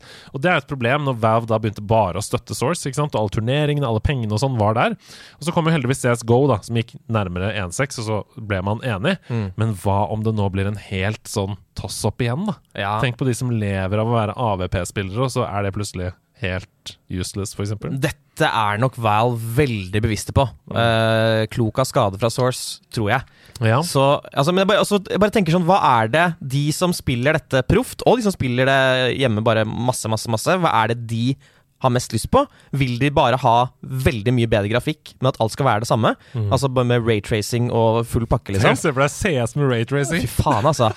altså jeg, jeg, jeg hadde begynt å spille det igjen da, uten Det hadde vært så fett. Ja. Wow. Så- oh, jeg ble gira selv, jeg. Ja, Etter at jeg begynte å spille Overwatch, så har jeg blitt mye mer gira på sånne nyheter som dette. ja. Så dette kan eh, når, dette, når dette kommer, så skal du og jeg spille det her. Oh, ja! Fordi jeg trenger å gruse noen i redaksjonen etter Stian slo meg 9-1 i Overwatch. Det skal du få lov til. Uh, så skal vi ta med oss Pu, da, vet du. Så blir vi en liten trio der. Hei, hei, Eh, Lady Poo. Hei, Lady Pu. Ok. The Wolf Among Us 2. Et spill som jeg vet at du venter veldig på, har fått en nedslående nyhet. For alle som er veldig glad i den serien. Telltale har nå nemlig offentliggjort at de ikke bare utsetter spillets launch litt, de dytter det et år fram i tid. Yeah. Det kommer ikke i 2023, det kommer i 2024. Ho! Ja, det var den dagen. Nå har du ødelagt dagen min. Eh, nei, det er nedslående. Ja. Eh, selvfølgelig. Ja. Og så er det sånn Sånn som med hver eneste gang et spill blir utsatt, så må man på en måte bli lei seg, men på en annen måte tenke ja ja, da blir det i hvert fall så bra som det skal bli. Ja, uten at noen dør på veien, for selskapet sier jo selv dette her om utsettelsen. We have made the difficult decision to delay The Wolf Among Us 2 uh, out of 2023. We know it's frustrating to hear. As disappointed as you are hearing this, we feel even worse having to say it. We're committed to delivering the sequel fans deserve, and doing what's right for the game while protecting the health of our team. Bra! Det er det som er hovedgrunnen til at de utsetter det Ja. på grunn av å unngå crunch. Er dette mm? Hva, nei, hva skulle du si? Nei, jeg bare tenker um, at Kan det være at vi får se mer og mer av dette? At spill som har blitt annonsert, uh, blir utsatt fordi det har blitt så mye fokus retta mot crunch-kultur og overarbeida spillutviklere? Ja. Og i så eh, fall, greit. Flott. Jeg er helt enig. Ja. Uh, en del spillselskaper har jo tradisjonelt regna inn crunch når de har budsjettert spillet. Mm. Sånn de siste fire ukene så skal vi jobbe dobbelt, liksom. Det er veldig dumt. Men ja, det interessante her er jo at The Wolf Among Us 2 utvikles av veldig mange av de samme utviklerne som lagde originalspillet. Og du reagerte kanskje innledningsvis på at jeg faktisk omtalte selskapet som Telltale. For de gikk jo konkurs, Jeg sant? Ja. Men dette er et nytt selskap med nye investorer, de samme ansatte Mm. og samme navn. Hvordan går det an? Er det lov, liksom? Jeg ikke at det, visste ikke at det gikk an. Det. Nei, ikke jeg heller. Sony konkurs, så vi starta Sony. med de samme folka. Ja, ja, jeg liker det. Jeg liker det. Uansett. eh, det originale Telltale-selskapet var veldig velkjent for dårlige arbeidsforhold. De var velkjent for det jeg sa i stad, å regne inn crunch som en del av budsjettene. Jamie Ottill, som er CEO i nye Telltale, mm. han sier dette her i et intervju med IGN. I've done crunch before and I don't want to do it again. It's not fair to ask it. Uh, you can't plan a business around it. Burning people out, or grinding them down is the wrong thing to do long term. It's not how you build a business. Så det er jo fint, da. Ja. Er det ikke det? ja, det er fint. Jeg kan svelge den kamelen der. Og gleder meg til det kommer, og håper de koser seg mens de lager det. Ja, Og så er det masse andre spill å spille i mellomtiden. Ok? Apropos crunch, apropos utbrenthet. Problemene fortsetter for alvor hos Beyond Good and Evil 2. Utvikler Ubisoft Montpellier. Etter utallige utsettelser og endringer så har nå flere ansatte tatt sykepermisjon som følge av utbrenthet, skriver gamer.no. Og Det er altså kilder som har snakka med spillmagasinet Kotaku, som forteller at sykefraværet har vokst seg så stort at det franske arbeidstilsynet satte i gang granskning av Ubisoft i desember. Ja. Eh, så nå er det altså et tredjepartsselskap som har tatt over arbeidet med å finne ut av hvordan det egentlig står til med de ansatte i Ubisoft. Det er mørkt. Det, er, det vil du ikke, ass! Nei. At det skal stå så dårlig til at staten må hyre på et tredjepartsselskap for å finne ut av hva det er som skjer i selskapet ditt. Ja, ja. Oppå alle de andre eh, negative Ubisoft-nyhetene som har kommet siste tiden. Ja, fordi samtidig så skal jo studiosjef Guillaume Carmona ha forlatt studio av uante grunner. Mm. etter tre år i toppjobben. Og det har også en rekke andre ledere i studio gjort. Eh, sist vi så Beyond Good and Evil 2, var i 2018. Og det var ti år etter at det først ble annonsert, i 2008. Nå er det 15 år siden Beyond Good and Evil 2 ble annonsert første gang. Og eh, altså eh, Michel Ancel, Ja, ja. som sto bak eh, det første, han dro jo også for noen ja, år siden. Ja, ja. Og Rayman og alt. Han, han jobber nå som naturkonservator i en park i, i, i Altså, når du, må, når, du, når, du går, når du går dit, da er det uprent, altså. Det sånn, han, han nekter å se på en PC igjen. Ja. Han skal bare kose med aper og uh, gro trær. Nei, men uh, Ubisoft forsikra jo tidligere i år om at spillet fortsatt er på vei, men etter det Kotaku erfarer, da, og kildene, så jobbes det enda ikke for fullt med prosjektet. Mm. Eh, og ellers så har jo Ubisoft kansellert masse spill. Og utsatt Skull and Bones, da, piratspillet. Ja. Jeg lurer på om det selskapet ikke kommer til å finnes, altså, i 2024. Mm. Jeg kan se for meg at uh, mange av disse IP-ene blir kjøpt opp av noen andre, og så begynner de på scratch og ikke har uh, de arbeidsvilkårene som de har nå. Ja, fordi Ubisoft har nå like dårlig rykte som Activision Blizzard hadde for et par år siden, liksom. Vi skal til værmeldingen, og det er en finfin fin uke på spillhorisonten denne uka også. Tre veldig forskjellige spill som da vi har bitt oss merke i. Og først ut så skal vi til Uni. Road to be the mightiest Uni. Som kommer ut på Switch, PS4, PS5 og PC torsdag 9. mars. Nå på torsdag. Det er et action-eventyrspill i en liten, men nydelig åpen verden. Det ser ut som noe helt særegent. ass. Det er en artsstil som minner om Breath of the Wild. Det minner om Pokémon men med fiender du slåss mot som er inspirert av yokai, altså tradisjonell japansk mytologi. da. Ja. Veldig sånn eh, Du vet når man eh, portretterer djevelen og sånn i Ja. japansk mytologi. Sånn kjempestore smil og sånn, sånn Ja. ser fienden ut. Det er veldig vanskelig å beskrive i en lydpodkast hvor pent det faktisk ser ut. Eh, så hvis du liker eventyrspill sånn som Selda, Nino Kuni, den type spill, gå inn og søk opp Oni. Road to be the, mightiest Oni. Ute på onsdag der, altså. Det neste spillet ut, det er et annet unikt spill. Et klassisk double A-spill. Jeg er veldig glad i double A-spill. Ja, et sted midt mellom Indie og Triple A. Ja, for det er altså spill som er polert, Ja. men som samtidig ikke har så enorme budsjetter. og Derfor så tør de å ta sjanser. Og så finner de seg gjerne sin nisjepublikum, og så selger de ganske bra. Um, og dette er action-adventure-spillet Clash! Artifacts of Chaos. Clash! Artifacts of Chaos. Det kommer også ut på onsdag til alle konsoller unntatt Switch og til PC. Og det er det tredje spillet i Xeno Clash-serien. Eh, og som de andre spillene i den serien, så er da combaten sentrert rundt melee-slåssing med bare nedvær. Det er bare nedvær man skal slåss med. Ja, det er gøy. Det liker vi. Hva er det du, du så ut som du hadde sett et spøkelse. Nei, Jeg sitter og ser på bilder fra det. Det, det er så utrolig kul eh, grafisk stil. ja. Det er veldig veldig særegent. Ja. I motsetning til de to andre spillene i den serien, som har vært i første person, så er dette nå hovedsakelig tredjeperson. da. Litt som uh, Grand Theft Auto. ja, fordi altså, er, det selvshada, men det er liksom det er så utrolig detaljrikt. Det Å, herregud, nå gikk jeg inn på en video! Dette ser helt fantastisk ut! Ja! Åh! Det ser veldig gøy ut. Uh, tidligere så har også spillene i serien vært liksom levels med egne loading screens, men nå er verden sånn semi-åpen, og skaperne selv har sagt at det er inspirert av Bloodborne. Ikke det verste stedet å være inspirert av. Nei. Søk opp det her og se på. Det ser så fett ut. Ja, det er veldig veldig unik artsstil. Det er verdt å sjekke ut hvis du liker slåssing og, og gøyale ting. Og så virker det som for meg da, som om 2023 er det store JRPG-året. Rett og slett. Eh, jeg syns nesten ikke vi snakker om annet. Vi har snakka om One Punch, vi har snakka om Octopath Traveler 2. Hver eneste episode så kommer det et nytt eh, JRPG. Eh, og rett i halen av Octopath Traveler 2 så kommer nemlig neste tirsdag, 14. mars, den svært anerkjente JRPG-serien The Legend of Heroes med en nyutgivelse av 2011-spillet Trails to Azure. Eh, Det er mange i chatten på Twitch her nå som spør hva heter dette spillet. Det forrige altså, så da må jeg gjenta det. Clash. Artifacts of Chaos. Clash. Artifacts of Chaos. Men ja, det vi snakker om nå, er Trails to Azure i The Legend of Heroes-serien. Det er rett og slett klassisk JRPG. God, gammeldags, isometrisk Final Fantasy-stil. Det ser ut som Octopath Traveler, liksom. Eh, Akkurat som andre JRPGs, du begynner med å dytte litt på små mobs og plukke noen blomster og sånn, og så ender du sannsynligvis med å kaste en gud inn i sola, eller et eller annet sånt. Ja, ja, ja. Klassiske JRPG. Men det som er interessant med Trails to Azure, det er at det ble sluppet i 2011 i Japan til PSP. Ah, den glemte konsollen. Og så har det aldri fått en offisiell release Nei. utenfor Asia. Men nå, tolv år etter, så får vi det anerkjente, det hyllede spillet til Windows, til PlayStation, til Nintendo Switch. Og eneste grunn til at vi får det, er fordi fans har pusha på og oversatt hele spillet. Så at selskapet sa sånn Å ja!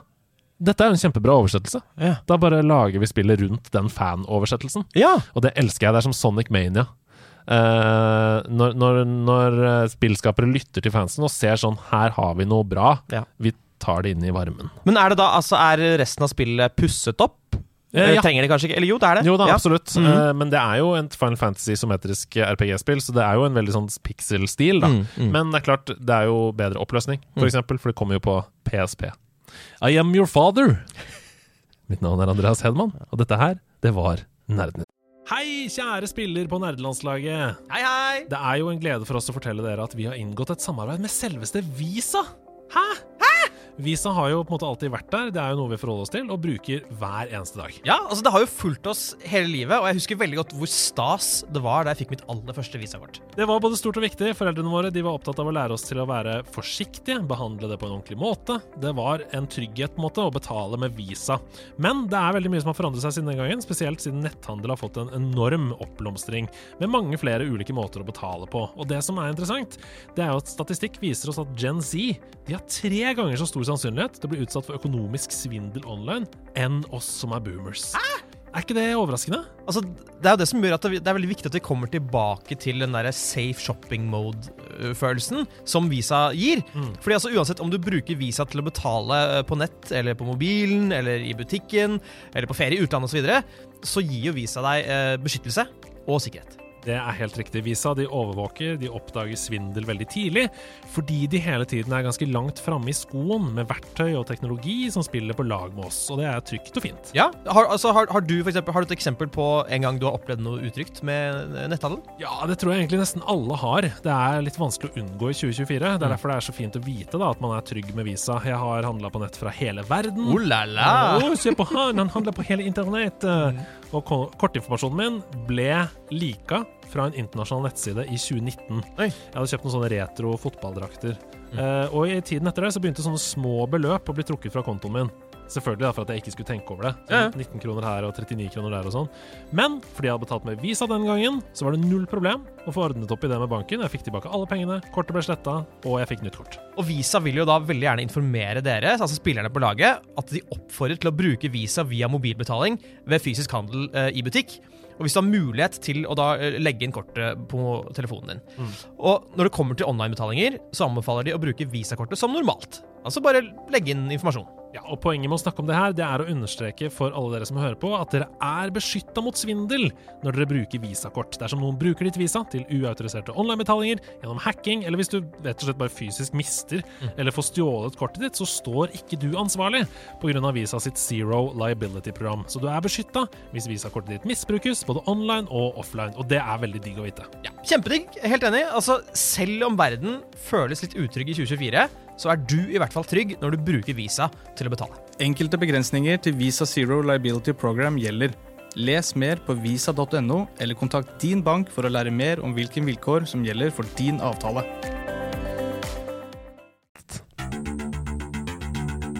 Anmeldelse i nerdelandslaget. Oh, yes, yes, yes, yes, yes, yes, yes, yes, yes, yes, Eh, Vi har to anmeldelser i denne episoden. Og først ut er Ida sin anmeldelse av Hogwarts Legacy. Dette, Jeg har lyst til å si Harry Potter-spillet, men det er ikke det. For det handler ikke noe om Harry Potter. Nei, det gjør ikke det. Det er satt til samme univers, vil mange si. Ja, La oss høre hva Ida syns om det å være student på Hogwarts.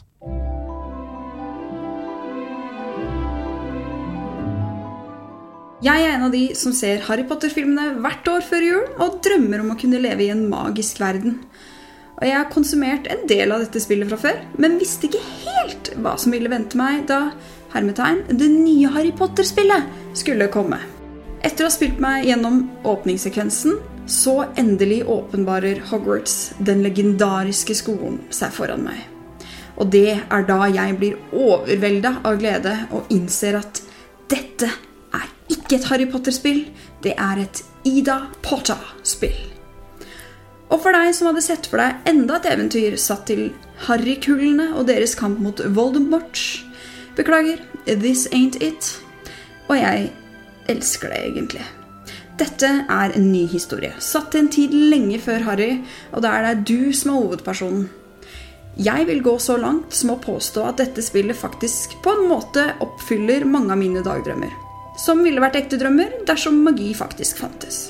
Jeg blir plassert i et hus, jeg får min første tryllestav, og jeg får ri på sopelimet. Hello, Lucan. May I use the training dummy? Of course. I'll fetch it and give you a list of combinations to practice. Ready to have a try now?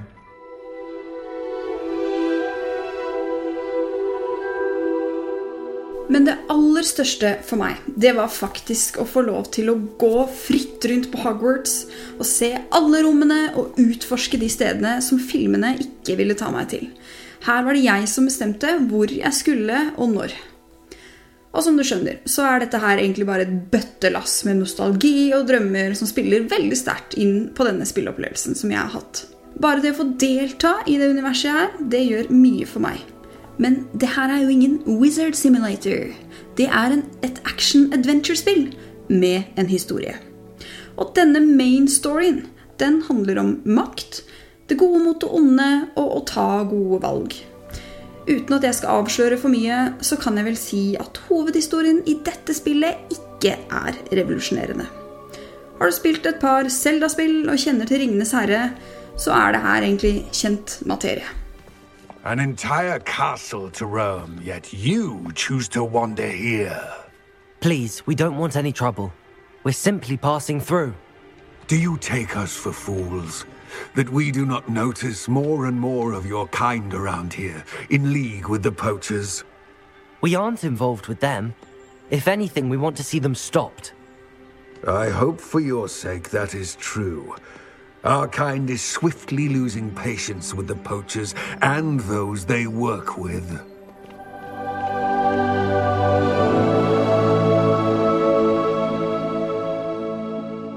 Hogwarts Legacy byr på mange sidequests som jeg syns ga mye til spillet.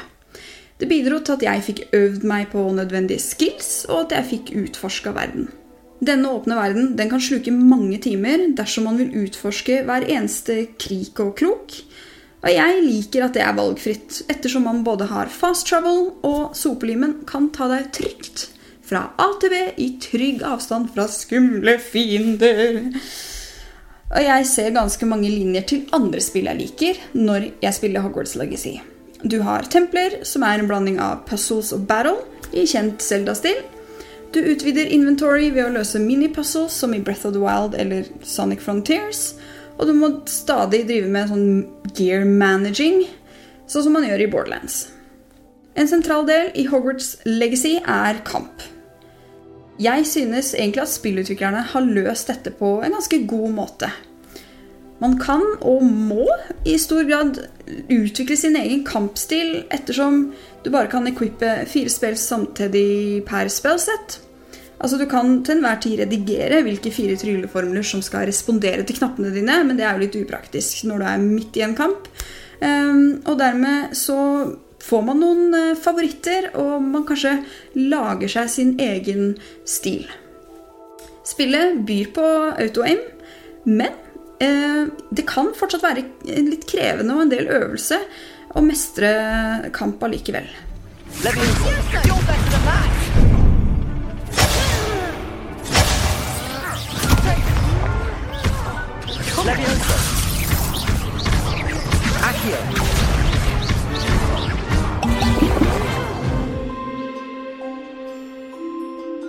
Hogwarts Legacy fikk faktisk til noe som ikke engang Elden Ring klarte.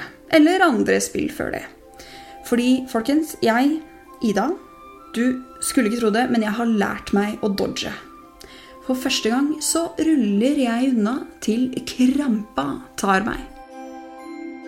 Det er mange elementer ved Hogwarts Legacy som appellerer til meg som spiller. Utover det som allerede er nevnt, så opplever jeg også at det er en fin vanskelighetsgrad for meg. Jeg blir guida på kartet uten at jeg er omringa av NPC-er som peker i riktig retning. Fiendene jeg møter, kan utfordre meg, men jeg er ikke stuck så lenge at jeg blir demotivert. Jeg opplevde å ha en god flow gjennom hele spillet. Hogwarts Legacy er allikevel ikke et perfekt spill. Det er flere elementer som absolutt kunne vært bedre, og noen er rett og slett irriterende. For eksempel så blir noen av frasene som blir servert, altså, de gjør meg etter hvert sint. I can't imagine how inconvenient travel was before you invented the flu powder. Jo, jeg kan det fordi jeg lever i en verden der man må ta buss, båt, tog eller bil eller fly. Vi har ikke noe flu powder. Slutt! Merlin Trials blir etter hvert ganske kjedsommelig, og det er altfor mye lut overalt, spør du meg. I mine øyne så er det allikevel to elementer som virkelig skuffer i et år på Hogwarts. Det første det er rumpeldunk, eller nærmere bestemt fraværet av rumpeldunk. At utviklerne ikke har inkludert dette som et minigame, men derimot omvendt shuffleboard-spillet Summoners Card skuffende. Det andre er faktisk timene.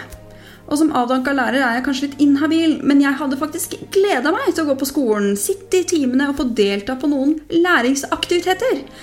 I stedet så er timene en cutscene etterfulgt av noen få oppgaver fra læreren. Æsj! Lekser! Selv om spillet Hogwarts Legacy ikke er perfekt, med noen, en svak hodehistorie og viktige elementer som ikke svarer til forventningene, så er totalen for meg en meget god spillopplevelse. Universet oppleves som mystisk og magisk, og det er mange morsomme quests. Det er passe vanskelig og imponerende mange Madeline-ordspill. Spillet Hogwarts Legacy er en magisk nostalgitripp som oppfylte mange av mine forhåpninger, men som kunne hatt en sterkere historie. Ida gir det 85 epler.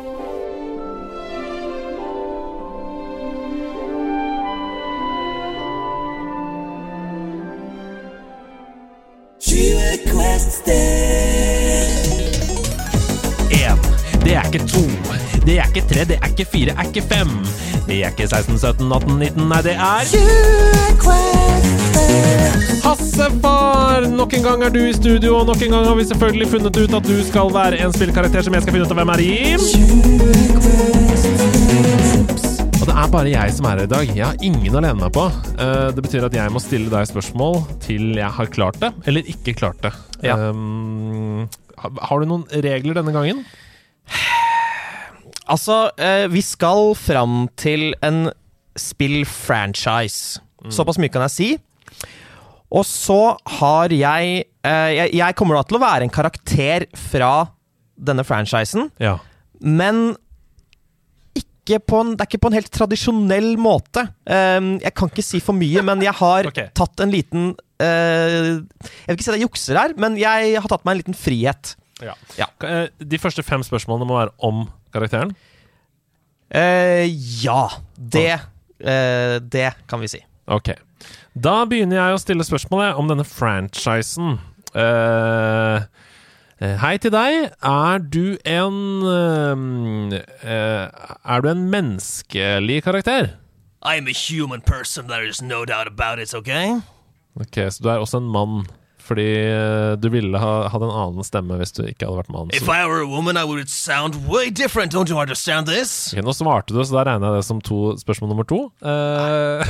That's ok, you, we can say it was one question, okay? Ok.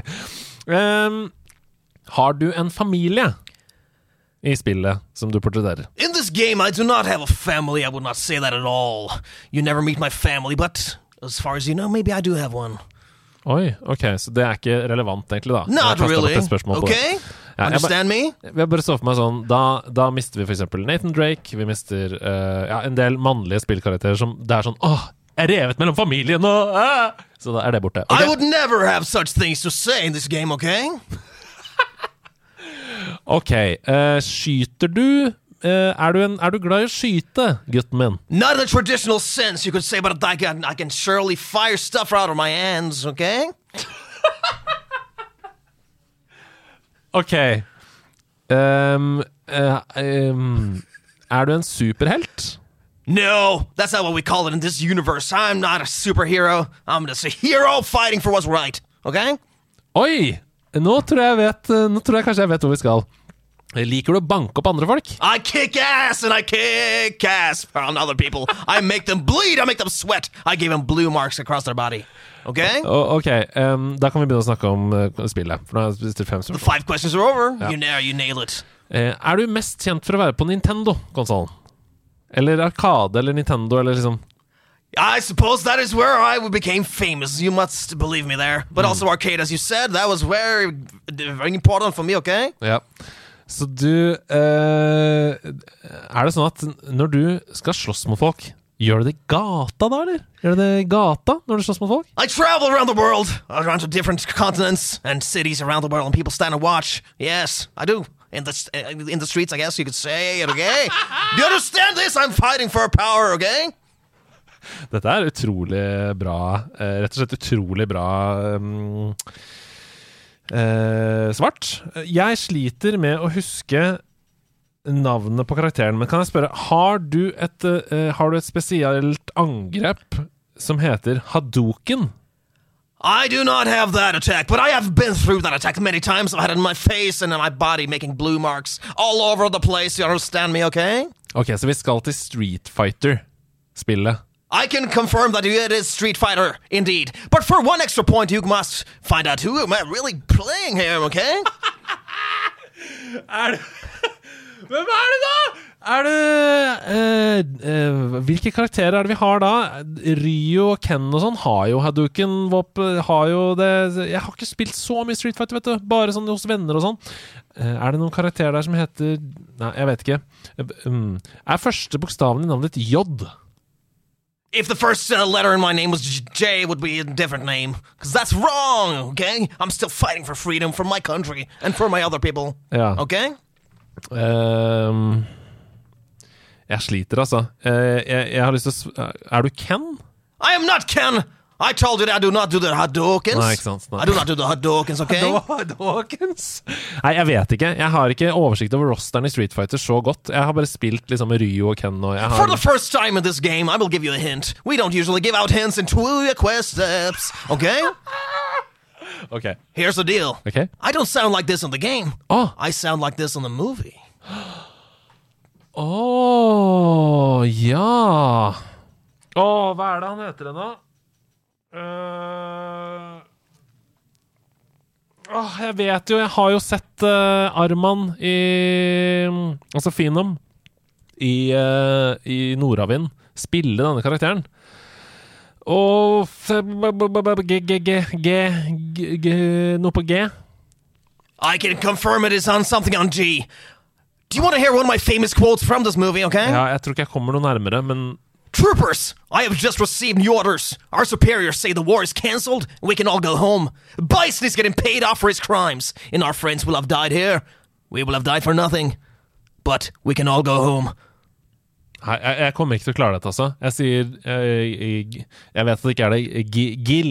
Gill, sier jeg. Gill is the right answer! Nei! Gill is the right answer! Gill? And you know why? Because Jean Claude Van Damme plays my American character with a more French accent. Men eh, er det, eh, er det riktig, altså? It is right! Wow! Gil Det høres ikke riktig ut i hodet. Er det sikker på at det er sånn det uttales? Gil? Gil. Gil. Gil. Ok. Do you want to hear a clip from how I sounded like in this movie, alright? Ja. Okay, this is a famous scene from that movie. Understand me? Jeg er helt sikker på at det, var, at det ikke var det. At ikke, ja.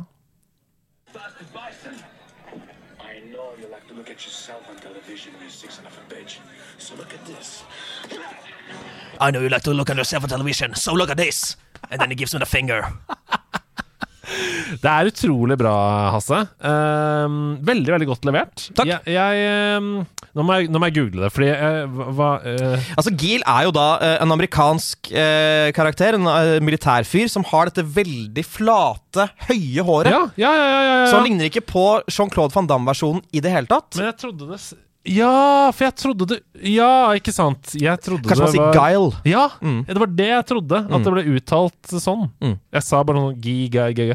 Men kult! Ja! Jeg klarte det! Du klarte det! Jeg klarte Street Fighter! Eh, Hadouken. Men sh shoot things out of my hands? Ja, han skyter noen sånne spinnende disker-ting. Ja. Ja, perfekt. Veldig veldig gøy. Eh, Du er kjempeflink, og Jean-Claude van Damme er jo tydeligvis et, eh, inspirasjon, en inspirasjonskilde for deg. ja men ikke han. Ja, ja, ja. Men eh, hvordan klarer du deg når vi bytter ut eh, ting du skyter ut av hendene, med å være bundet på hender og føtter?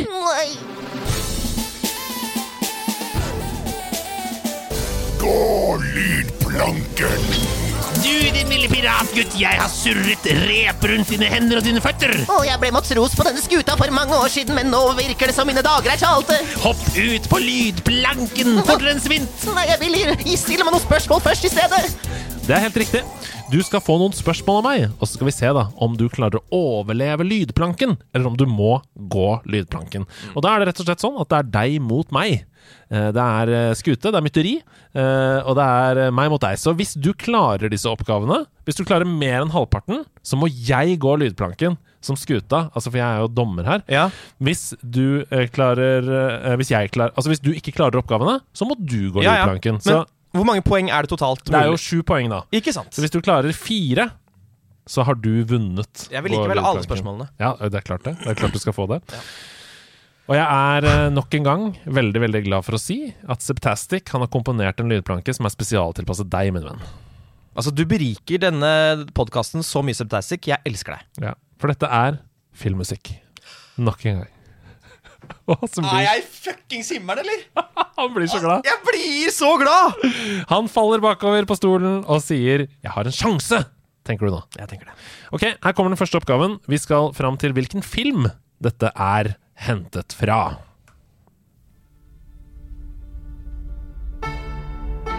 Dette er hentet fra Sherlock Holmes fra 2008 av Guy Ritchie. Og komponisten er Hans Zimmer. Og den heter Discombobulate, sangen. Ja, det er helt riktig alt sammen. Her kommer oppfølgingsspørsmålet. Hvem Hvem spilte Sherlock Holmes og Dr. Watson i filmene fra 2009 og 2011? Det er Robert Downey jr., og det er Jude Law. Veldig bra. da, da har vi to, to poeng til deg. Ja. Hittil. Ok, her kommer den andre oppgaven. Eh, rop navnet ditt, da, eller bare svar, du. Ja, hvis du. Hvis du vet det på et tidspunkt. Ok. Oi.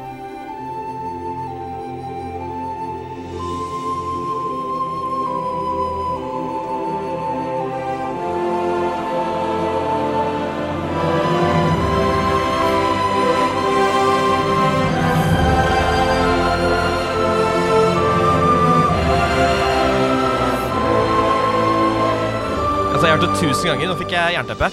Å, fy fytterikkeren. Mm. Fytterikkeren. Ja, det er, det er Løvenes konge. Det er helt riktig! Har du lyst til å prøve deg på låttittel òg, eller? Det er, det, er ikke, det er, ikke, meningen. Å oh, ja, nei. nei. Nei, nei, nei. På ingen måte. Nei, Dette er This Land fra, ja. fra Lion King. Ok, oppfølgingsspørsmål. Du har tre poeng. Um, hvilket år ble Lion King, altså tegnefilmen, gitt ut? 94. Helt riktig. Gratulerer. Fire av fire. Eh, Jeg vet hvem som skal gå lydplanken her i dag, men vi skal videre til neste oppgave, vi. Hvor skal vi her?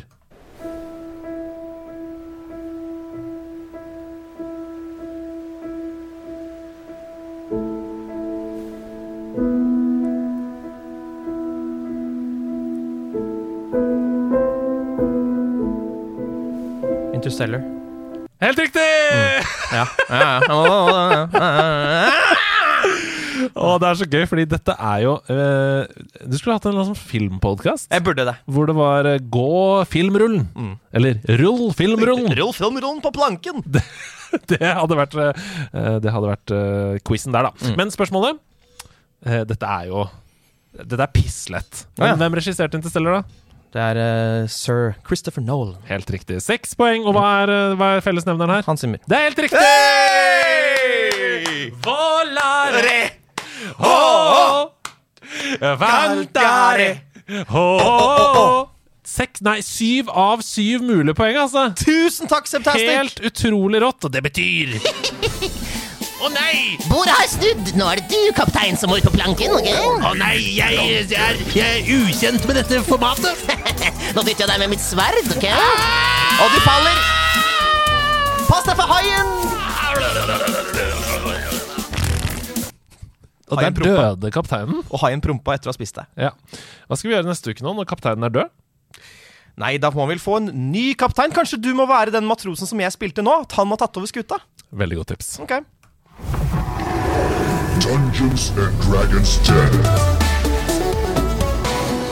Oh yes! Vi skal inn i Dungeons and Dragons Den, og nå har bordet snudd nok en gang. Bordet snur ofte i denne podkast-episoden i dag, fordi nå er det jeg som skal vurdere om Hasses pitch er god nok til å få penger fra NFI, og til å få to tomler opp fra meg.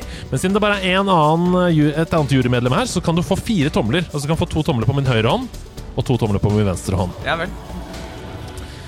Jeg er veldig veldig spent på pitchen din. Er du vant med denne typen situasjon? Å pitche ting foran en jury, liksom? Har du gjort det før? Jeg har pitchet eh, TV-programmer og podkaster og den slags til eh, produksjonsselskaper og, og kanaler og sånn.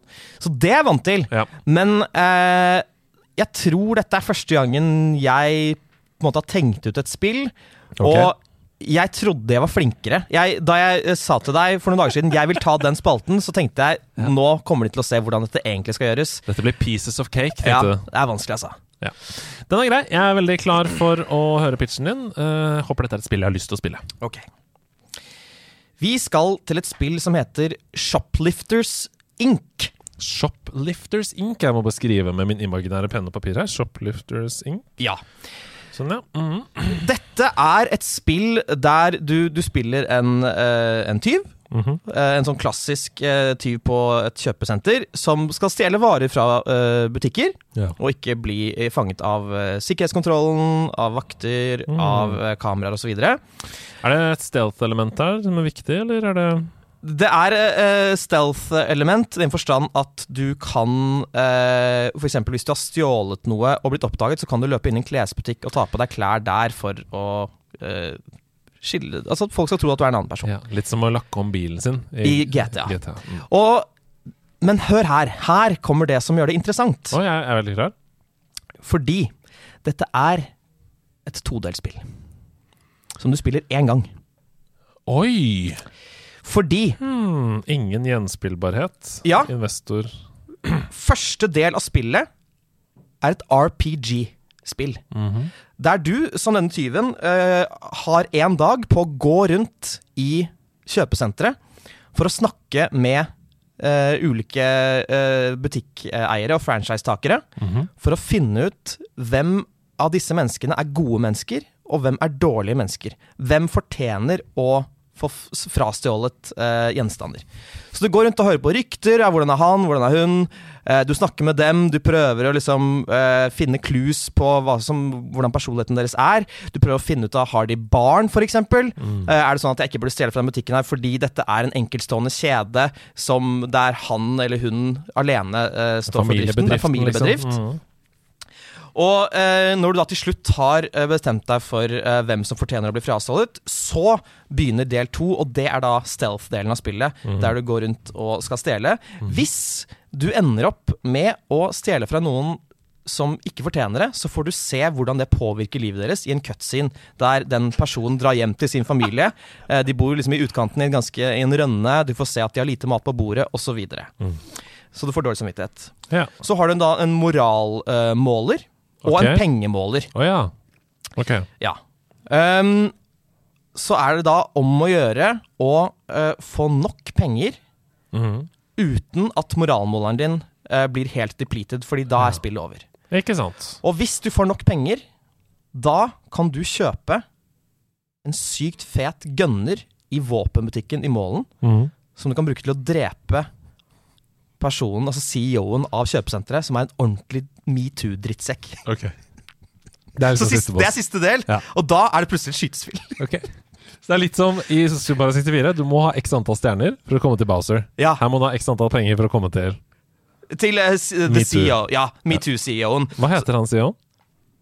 Jail Jail Frankenstein. Jail Ja, ja. Så, uh, uh, ikke sant? Så første del er RPG, Ja. andre del er stealth, tredje del er uh, shoot them up. Ja, altså, shoot fordi CEO-en har jo selvfølgelig vakter og folk som du må skyte deg hjemme. Guards! Guards! Get them! Get 'em, dogs! Dogs and guards. Ja.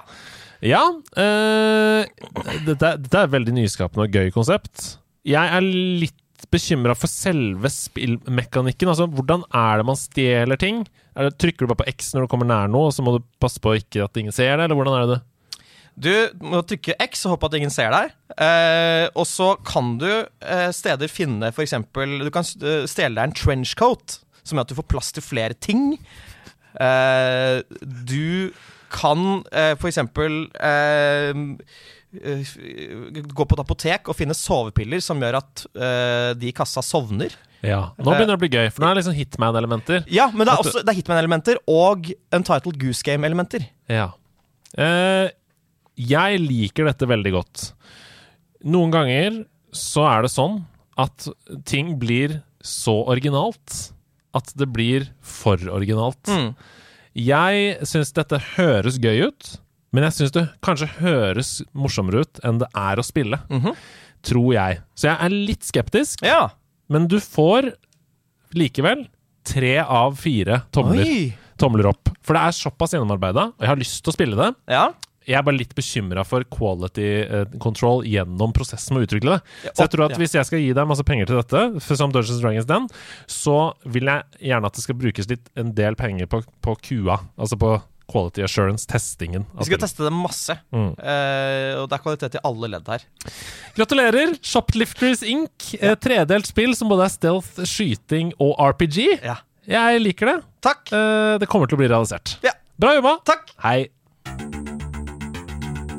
Anmeldelse i nerdelandslaget. Hæ? Hæ? Nei, hæ? nei, nei, nei. Du trykte på feil knapp? Nei, dette skjedde, skjedde i stad. Ja. Og det er fordi det er to anmeldelser i denne episoden. Hasse Pastorius Hope han har dykket ned i de virtuelle verdener, han. Hvordan har det vært, eh, tror du? Nei, som jeg nevnte i starten av programmet, så har det vært en, en stor eh, glede. Eh, veldig, veldig interessant. Og det er rett og slett Det blir en interessant tid fremover. Fordi dette kan gå begge veier, Mm. men jeg har veldig trua. Vi får høre. Åh, jeg gleder meg til å høre.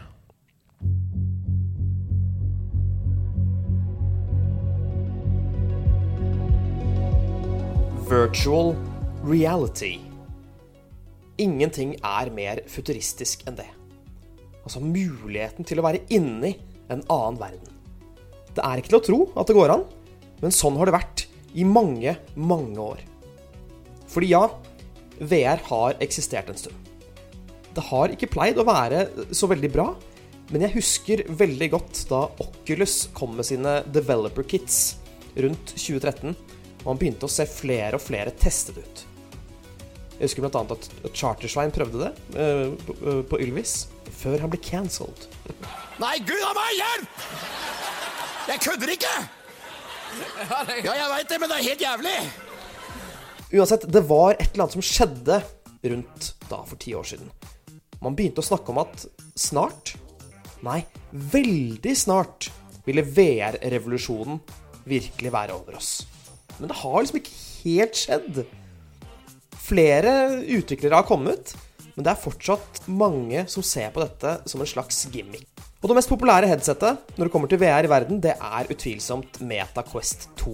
Og i motsetning til eh, Quest, som da eies av Mark Zuckerberg, så er eh, Sony PlayStation VR2 et kablet VR-headset som må kobles til en PlayStation 5 for å fungere. Og selv om MetaQuest 2 kanskje er mer anvendelig for øyeblikket, så blir du nok ikke skuffet hvis du prøver deg på Sonys nye VR-flaggskip. Fordi selv om PSVR2 må kobles eh, sammen med en PlayStation, altså du kan ikke bruke det på en PC osv., så, videre, så er dette muligens den beste VR-opplevelsen som eksisterer for hjemmemarkedet akkurat nå. PSVR2 er drevet av eh, livlige OLED-skjermer, fantastiske vibrerende kontrollere med sine egne unike force feedback-utløsere, og med den kraftige grafikken som eh, PS5 pumper ut, så kan denne maskinvaren gjøre mot Quest 2 hva Hulken gjorde mot Loki i slutten av den første Avengers-filmen. I am a god, you dull creature, and I will not be bullied by that.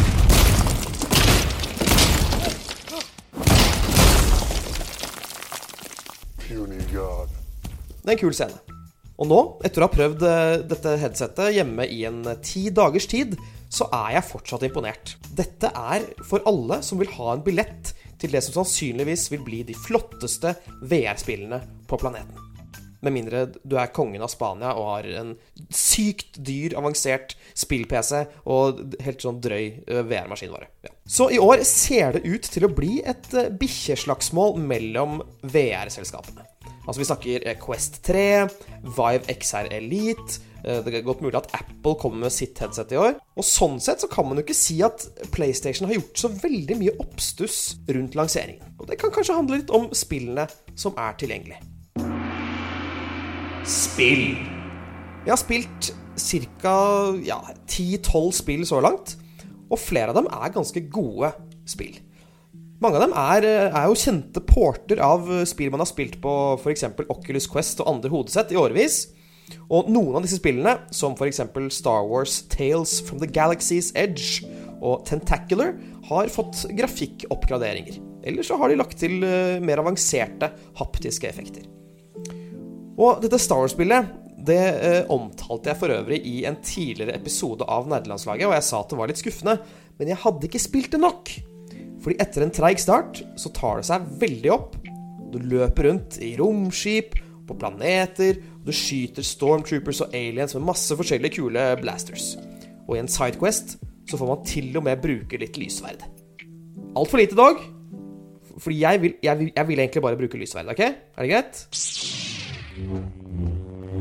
Tentacular kom i fjor og er fortsatt veldig gøy. Du er på en tegneserieøy hvor det bor vennlige landsbyboere, og du er en gigantisk tentaklert blekksprutaktig greie.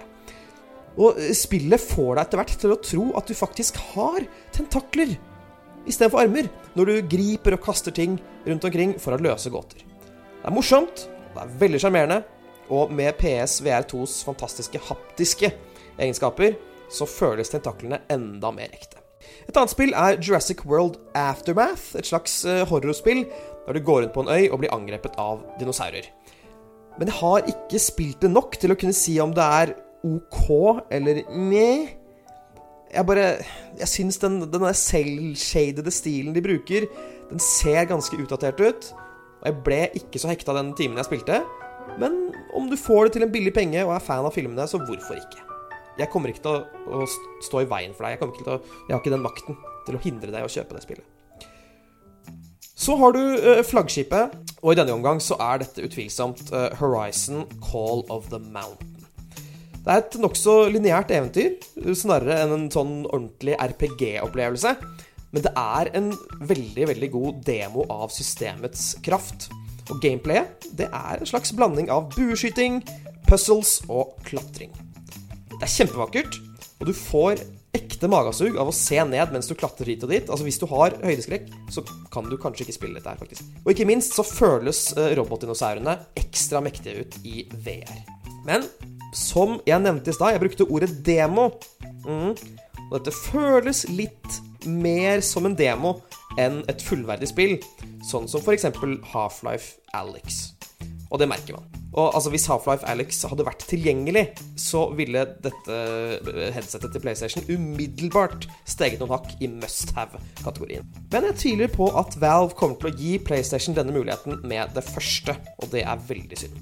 Jeg må faktisk også nevne Gran Turismo 7, uh, fordi folkens Jeg hater bilspill mer enn jeg hater å bli klistret på hendene når jeg panter flasker. Altså, jeg hater de spillene. Likevel så er dette faktisk en helt rå opplevelse. Og det nærmeste jeg har kommet vedvarende gåsehud i VR-sammenheng. Så det er godt jobbet, altså. Jeg har ikke spilt alle release-spillene, men uh, de jeg har nevnt, er nok de viktigste. Jeg kan også si at Altair Breaker det er det ikke noe vits å skaffe seg, fordi det er dritt. Det suger dritt. Fantavision 202X er et veldig underveldende spill, der du skal connecte dots og lage fyrverkeri. Det blir nei. Det finnes også et kajakkspill som er nettopp det. Du padler kajakk. Og det er en fin meditasjon, men ikke noe mer enn det. Men det må sies en ting til. Det er en forbanna tragedie at PS VR-spill fra de siste syv årene ikke automatisk er bakoverkompatible. Uten en oppdatering så kan du faktisk ikke spille dem på PSVR2 i det hele tatt. Og noen spill får gratis uh, oppdateringer til PSVR2, mens andre tar ekstra betalt for den nye versjonen. Og dette synes jeg rett og slett er dårlig gjort mot de som har vært trofaste PlayStation VR-gamere. De får ingen belønning for sitt engasjement, og det synes jeg er ræva. Oppsett. Oppsettet kunne moren min ha fått til. Og hun, hun sliter med å, å, logge seg inn på, på Facebook. Altså, du kobler headsetet til USB-inngangen på maskinen. Så går du gjennom veiledningen på skjermen. Du skanner rommet ved å se deg rundt, og da vet den hvor alle møblene i rommet er. Så kalibrerer du øyesporingen, og så er du i gang. Det er kjempelett.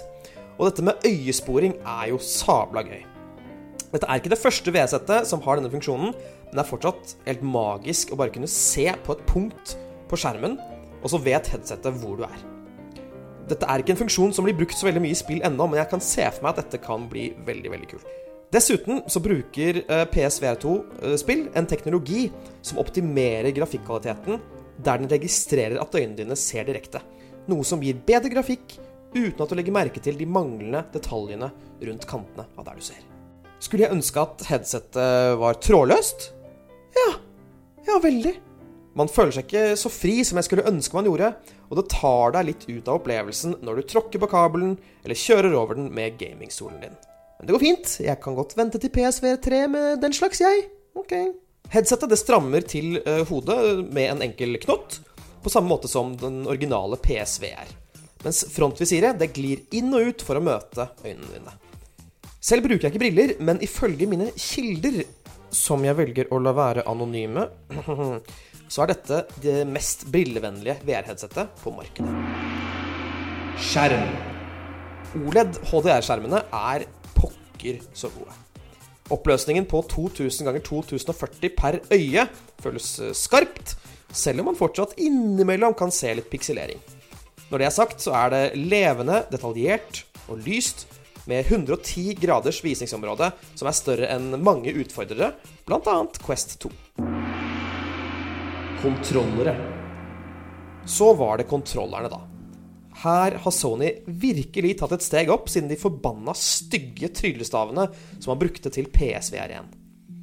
De har på en måte brettet sammen DualSense-kontrolleren til en slags sfære, og det fungerer overraskende godt.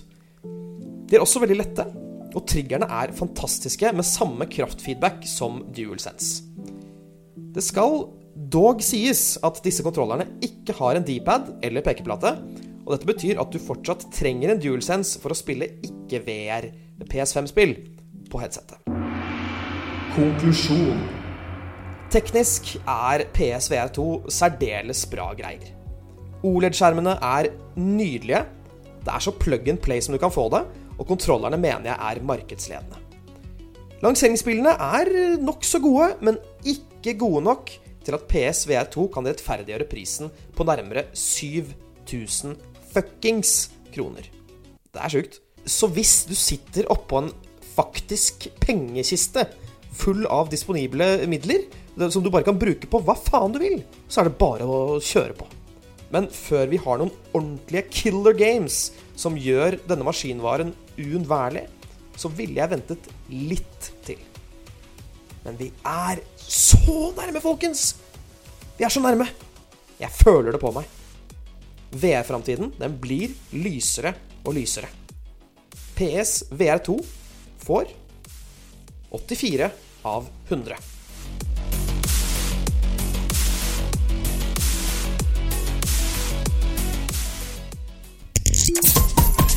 Hva står det på kokktavlen? Det er du som er best på den lyden. Det er veldig bra.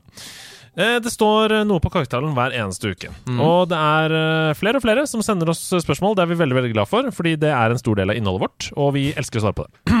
Det første spørsmålet Kan dere bruke ett minutt en gang? Jeg mener det er sikkert overført betydning. Jeg tror ikke Ja. mener konkret ett minutt, men kan dere ikke bruke et minutt eller to da på noen gode anbefalinger til walking simulators? À la What Remains of Edith Finch og Firewatch. Og det er altså eh, bandet The Day We Left Earth som har sendt oss den meldingen. Så hei til dere Ja. i bandet The Day We Left Earth. Eh, Setter veldig pris på det. Veldig rått. Offisielle profilen på Instagram der. Så koselig. Og jeg har eh, valgt med et par, så kan jo du slenge deg på om du har lyst til å uh, være enig. Ja. Første jeg tenker på, er selvfølgelig Stanley Parable. Ja! Det er, må jo være et av de aller beste walking sims som er lagd der ute. Det er vel the granddaddy of them all. Ja. Det, og det er så unikt, og det er ingen spill som minner om det i det hele tatt. Hvis du Nei. ikke har spilt det, så er det jo det. Ja. Det er mange som sier sånn at de ikke liker den um, tittelen på sjangeren, walking sim, fordi det liksom trekker ned sjangeren. Men jeg syns det er en ganske god beskrivelse. Mm. Altså, uh, du, du går mye rundt, finner ut av ting, kommer deg videre. Mm. Så Stanley Parable, uh, Everybody's Gone to the Rapture, bra spill. Mm. Vanishing of Ethan Carter, bra spill. The Unfinished Swan. Uh, er det noen du tenker på, der du sitter og ruger? Jeg ruger. eh, Jeg tenker på Gone Home. Ah, Gone Home, ja. Uh, som jo Det kan minne litt om What Remains of Edith Finch. Ikke forvente at det er like bra på noen som helst måte, men det er fortsatt Det er et kortere spill, og med en slutt som gjør at du tenker en del. Ja, litt, litt kanskje mer vanlig. Altså, Ja. eh, What Remains er jo helt out there. Helt unikt. Ja. ja. Så har du eh, Virginia, som er et Ja. eh, sånn mysteriespill fra 2016. Der du spiller en politikvinne. Veldig, veldig kult. Veldig kult. Og så vil jeg faktisk si at Alien Isolation er et slags walking simulator, fordi Ja. det, du har jo ikke våpen. Nei. Du går jo på en måte bare rundt, og så har du da eh, en alien som når som helst kan hoppe fram og ta deg. Da har jeg også lyst til å slenge inn Zuma. Hvis vi først er på liksom skrekk eller horror i Mm. den sjangeren. Fordi Zuma er nok også i samme gate. Men du har jo også selvfølgelig Abzu, Journey, uh, Life is Strange, Lake. Uh, nydelige spill. Og Paradise Killer. Jeg har også lyst til å slenge inn i miksen helt til slutt her. Så nå har du fått masse, masse tips. Uh, alle er bra. Det er ingen her som du kommer til å ha en dårlig opplevelse med å spille. Sondre spør et veldig koselig spørsmål, syns jeg. Her er jeg spent på hva du tenker. Hva syns dere om fugler? Og er det noen forskjell på hva dere syns om eventuelt småfugler og større fugler? Jeg syns at småfugler er dritkjedelig. Ja. Jeg bryr meg ikke om dompapper, spurv, pippiper. Mais. Mais er drittkjedelig. Er det det, altså? Syns Men du det? Jeg syns når- det er så koselig. Ja, du, ja. I, i fuglenekket som du henger på utgangsdøra di når det er vinter, kommer meisen. Ha dere vekk. Vekk? ja, vi skal opp i størrelse her for at det blir interessant. Når vi ja, kommer opp i hauk Due? Nei da. Men er du redd for, er du redd for det, eller syns du de er stygge? Eller hvorfor liker du ikke småfugler? Nei, jeg bare syns de er uinteressante. Oh, ja, det gir meg ingenting. Ok, det er bare en del av bybildet, liksom? Det Ja. Noe, ja. Jeg- Jeg syns de er veldig veldig søte. Jeg blir veldig glad i det. Og når de er røde på bryst og gu- gule, og de er fine og blå, og små nebb og sier pip, pip. Jeg syns det er koselig. Ja, Så du er med på den koselige greia. Jeg eh, liker fugler når de er farlige. Når de eh, er raske, har klør, er store. Albatross. Ørn. Da Ørn. Det syns jeg er kult. Er det fordi du egentlig liker motorsykkel? Ørn, ørn. Trykk på en knapp! Jeg, uh, jeg uh, syns også store fugler er fantastisk. Jeg har vært på sånn uh, Birds of Prey-show i England. Der det kom ut store sånn uh, hauker og ørn og sånn. Kom, ah, Landa på fuglen til en mann, og så er det sånn Kaster det kanin opp i lufta. Og så Yes, kommer det og tar det og sånn. Veldig Levende kanin? Nei. Fun fact. Mm. Eh, uglen Mm. er en av de eneste fuglene som ikke lager lyd når de flyr. Oh, ja. Hvis du hører på en eh, hauk, en due, en måke, hva som helst, så lager de masse lyd. Mm. Eh, ugler flyr helt lydløst. Nei, det er jo min kone eh, Camilla som har fått meg eh, glad i fugler. Jeg hadde nok også et ganske sånn Ja, ikke noe, jeg var ikke noe negativ til det, men bare sånn eh, irrelevant forhold til det før. Men jeg er veldig veldig glad i alle dyr, og jeg syns små fugler er søte. Store fugler er kule. Vi skal, vi skal videre til Porsche Yoshi sitt spørsmål. Dette er litt interessant. Er det bare meg, eller er hypen rundt Breath of the Wild 2 litt liten? Det kan være fordi det er Nintendo som holder så kortene til brystet. Det kan være fordi Nintendo holder kortene til brystet, men jeg føler ikke det er så etterlengtet som det burde ha vært. Hva tenker dere? Jeg har alltid elsket Zelda, jeg stoler på at det blir ti av ti, men jeg syns det er noe som mangler opp mot release denne gangen, sier Porsche Yoshi. Vet du hva jeg tror? Eh, jeg tror det ikke er så mye hype fordi vi vet at dette kommer til å bli dritbra. Ja. Altså Vi vet at det kommer til å minne ganske mye om det første spillet, men Mm. med masse nyvinninger og sånne ting. Men vi er helt sikre på at det blir bra, så vi kan liksom bare sitte, sette oss ned og slappe av og vite at det kommer. Mm. Mens med Elden Ring så var det sånn OK. Eh, Fromsoft de Mm. lager alltid bra spill. Uh, det, det er samme type Altså det er combat, sånn som i Bloodborne osv. Men kommer de til å naile en åpen, verden? Dette blir veldig spennende. Og da blir Jeg tror det er med å bygge opp hypen fordi det er et større mysterium. Mens Breath of the Wild 2 er ikke et mysterium. Vi vet på en måte litt hva vi får. Ja, Tears of the Kingdom. Uh, jeg føler vel kanskje ikke at det var sånn Nå er det mulig jeg banner i kirka, men jeg føler ikke at det var sånn dritmye hype før Breath of the Wild kom. Heller. Altså det første. Jeg føler ikke at det er noe annerledes klima nå. Altså Mm. Det er bare sånn Alle forventer at nå kommer det et Zelda-spill. Det er et bra spill, og vi gleder oss til det kommer. Det er liksom, Man trenger ikke noe sånn Å, denne gangen kan Link svelge flammer! Mm. Øh! Det er jo liksom ikke Dette er en lang og gammel franchise som har uh, vart i mange, mange år. Uh. Man forventer ikke at de skal finne på noe helt crazy, liksom. Nei. Uh, ja. Så ja, ikke vær redd for det her. Det kommer til å bli dritbra, og det kommer til å selge masse, masse, masse. Switch har jo solgt uendelig antall eksemplarer, Ja. så det er prima for en enorm uh, utgivelse, rett og slett. Men jeg, jeg skjønner hva du mener. Det er ikke så mye i media, og det har ikke vært så mye reklamer på Oslo S, og, altså de typiske klassiske reklamekanalene. Mm. Jeg tror bare folk gleder seg, egentlig. Mm. Eh, Jammark spør Hei, har dere noe musikk fra spill som dere sliter med å høre utenom spillet, enten fordi den er knyttet til en veldig sterk scene, eller bare fordi dere forbinder det så sterkt med spillet og opplevelsen dere hadde med det? Selv har jeg det sånn med blant annet musikken fra Firewatch. Det er herlig hver gang den dukker opp i podkasten, men jeg kan ikke sette på den selv, for da ønsker jeg bare at jeg heller satt meg ned og spilte igjen, fordi opplevelsen var så utrolig fantastisk, skriver Jamark. Mm. Ja, jeg ser den. Jeg ville nok sikkert ha gått for Firewatch jeg også, om ikke det var eksempelet. Men eh, Jeg kan, mens du tenker, så kan jeg si at for meg så er det musikken fra Brothers, A Tale of Two Sons. For det første så er den musikken veldig bra. For det andre så er den musikken der er Den lider. Altså, du hører i musikken at det er vondt, vemodig og sorg. Bare hør på eh, titteltracket med hun nordiske eh, kvinnen som synger sånn høra, Det er liksom det er, Når du har spilt spillet og Mm. vet hva det er som skjer i det spillet, så er det skjærer meg i hjertet å høre på den musikken. Ja. Så Brothers er sånn for meg. Det klarer jeg ikke å spille. Eller jeg klarer ikke å høre på musikken Mm. eh, uten å bli keen på å spille da. Jeg får en sånn distanse til det på en eller annen rar måte når jeg spiller det. Ja. Men når jeg sitter og lytter i headset, så blir det for nært, på en måte. Jeg vet Ja. ikke. Ja. Jeg ser den, jeg ser den. Jeg tror det må bli What Remains of Edith Finch fordi eh, jeg syns det er så grensesprengende sårt og vondt. Jeg, jeg bare jeg, jeg har grått så mye mens jeg har spilt det spillet, Mm. at jeg forbinder den musikken med uh, Da bare husker jeg alle de forferdelige tingene. Så ja. For et utrolig bra spill. Jeg elsker uh, What Remains. Helt til slutt så skriver Ronny, og han skriver også ja, med i til slutt. Ronny. Ja, Akkurat som Ronny Le Tekrø. Ja! Mm. Gitarvirtuosen. Det ser nå ut som det blir quiz 29. mars på House of Nerds. Det stemmer helt riktig, det! Jabbadabbadoo. Steffen Lacaloni Lund. Han kommer hit. Han heter det nå. Steffen Lacaloni Lund. Nei, han heter Lakitu Lund fra eh, da, Mario Kart-spillene. Jeg kommer reisende helt fra det frosne nord og lurer på om han trenger et lag eller en partner for å delta, eller om det er mulig å slenge seg med på et lag. Med vennlig hilsen Ronny med i. Altså For det første så kan du delta helt alene. Mm. For det andre så er det veldig mange som kommer hit på quiz uten lag, og som ender opp på et lag. Ja. Som s står i baren og sier sånn 'Jeg er alene', og så bare 'Ja, du kan være med oss'. Og så Ja.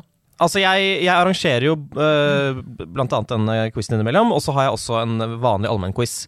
Uh, og det er en av de store forskjellene på de to quizene. Er nettopp den, det er en sånn fellesskapsfølelse på disse spillquizene som vi ikke har på den andre allmennquizen. Mm. Uh, nettopp der folk blir glad om du går bort til dem, både fordi det er gøy å ha en ekstra deltaker på laget, og folk har lyst til å bli kjent med andre nerder.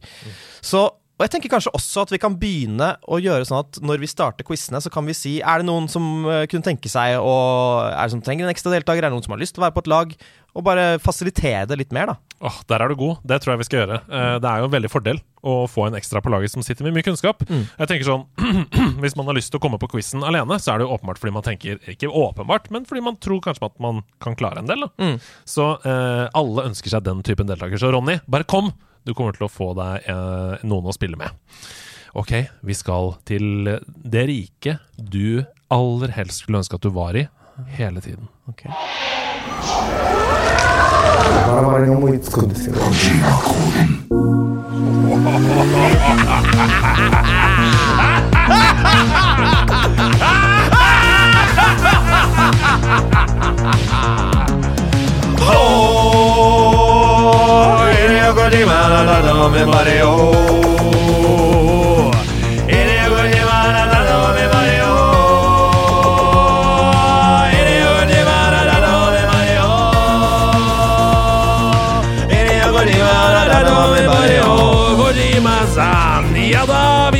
ned i Tokyos underverden, i Diokojima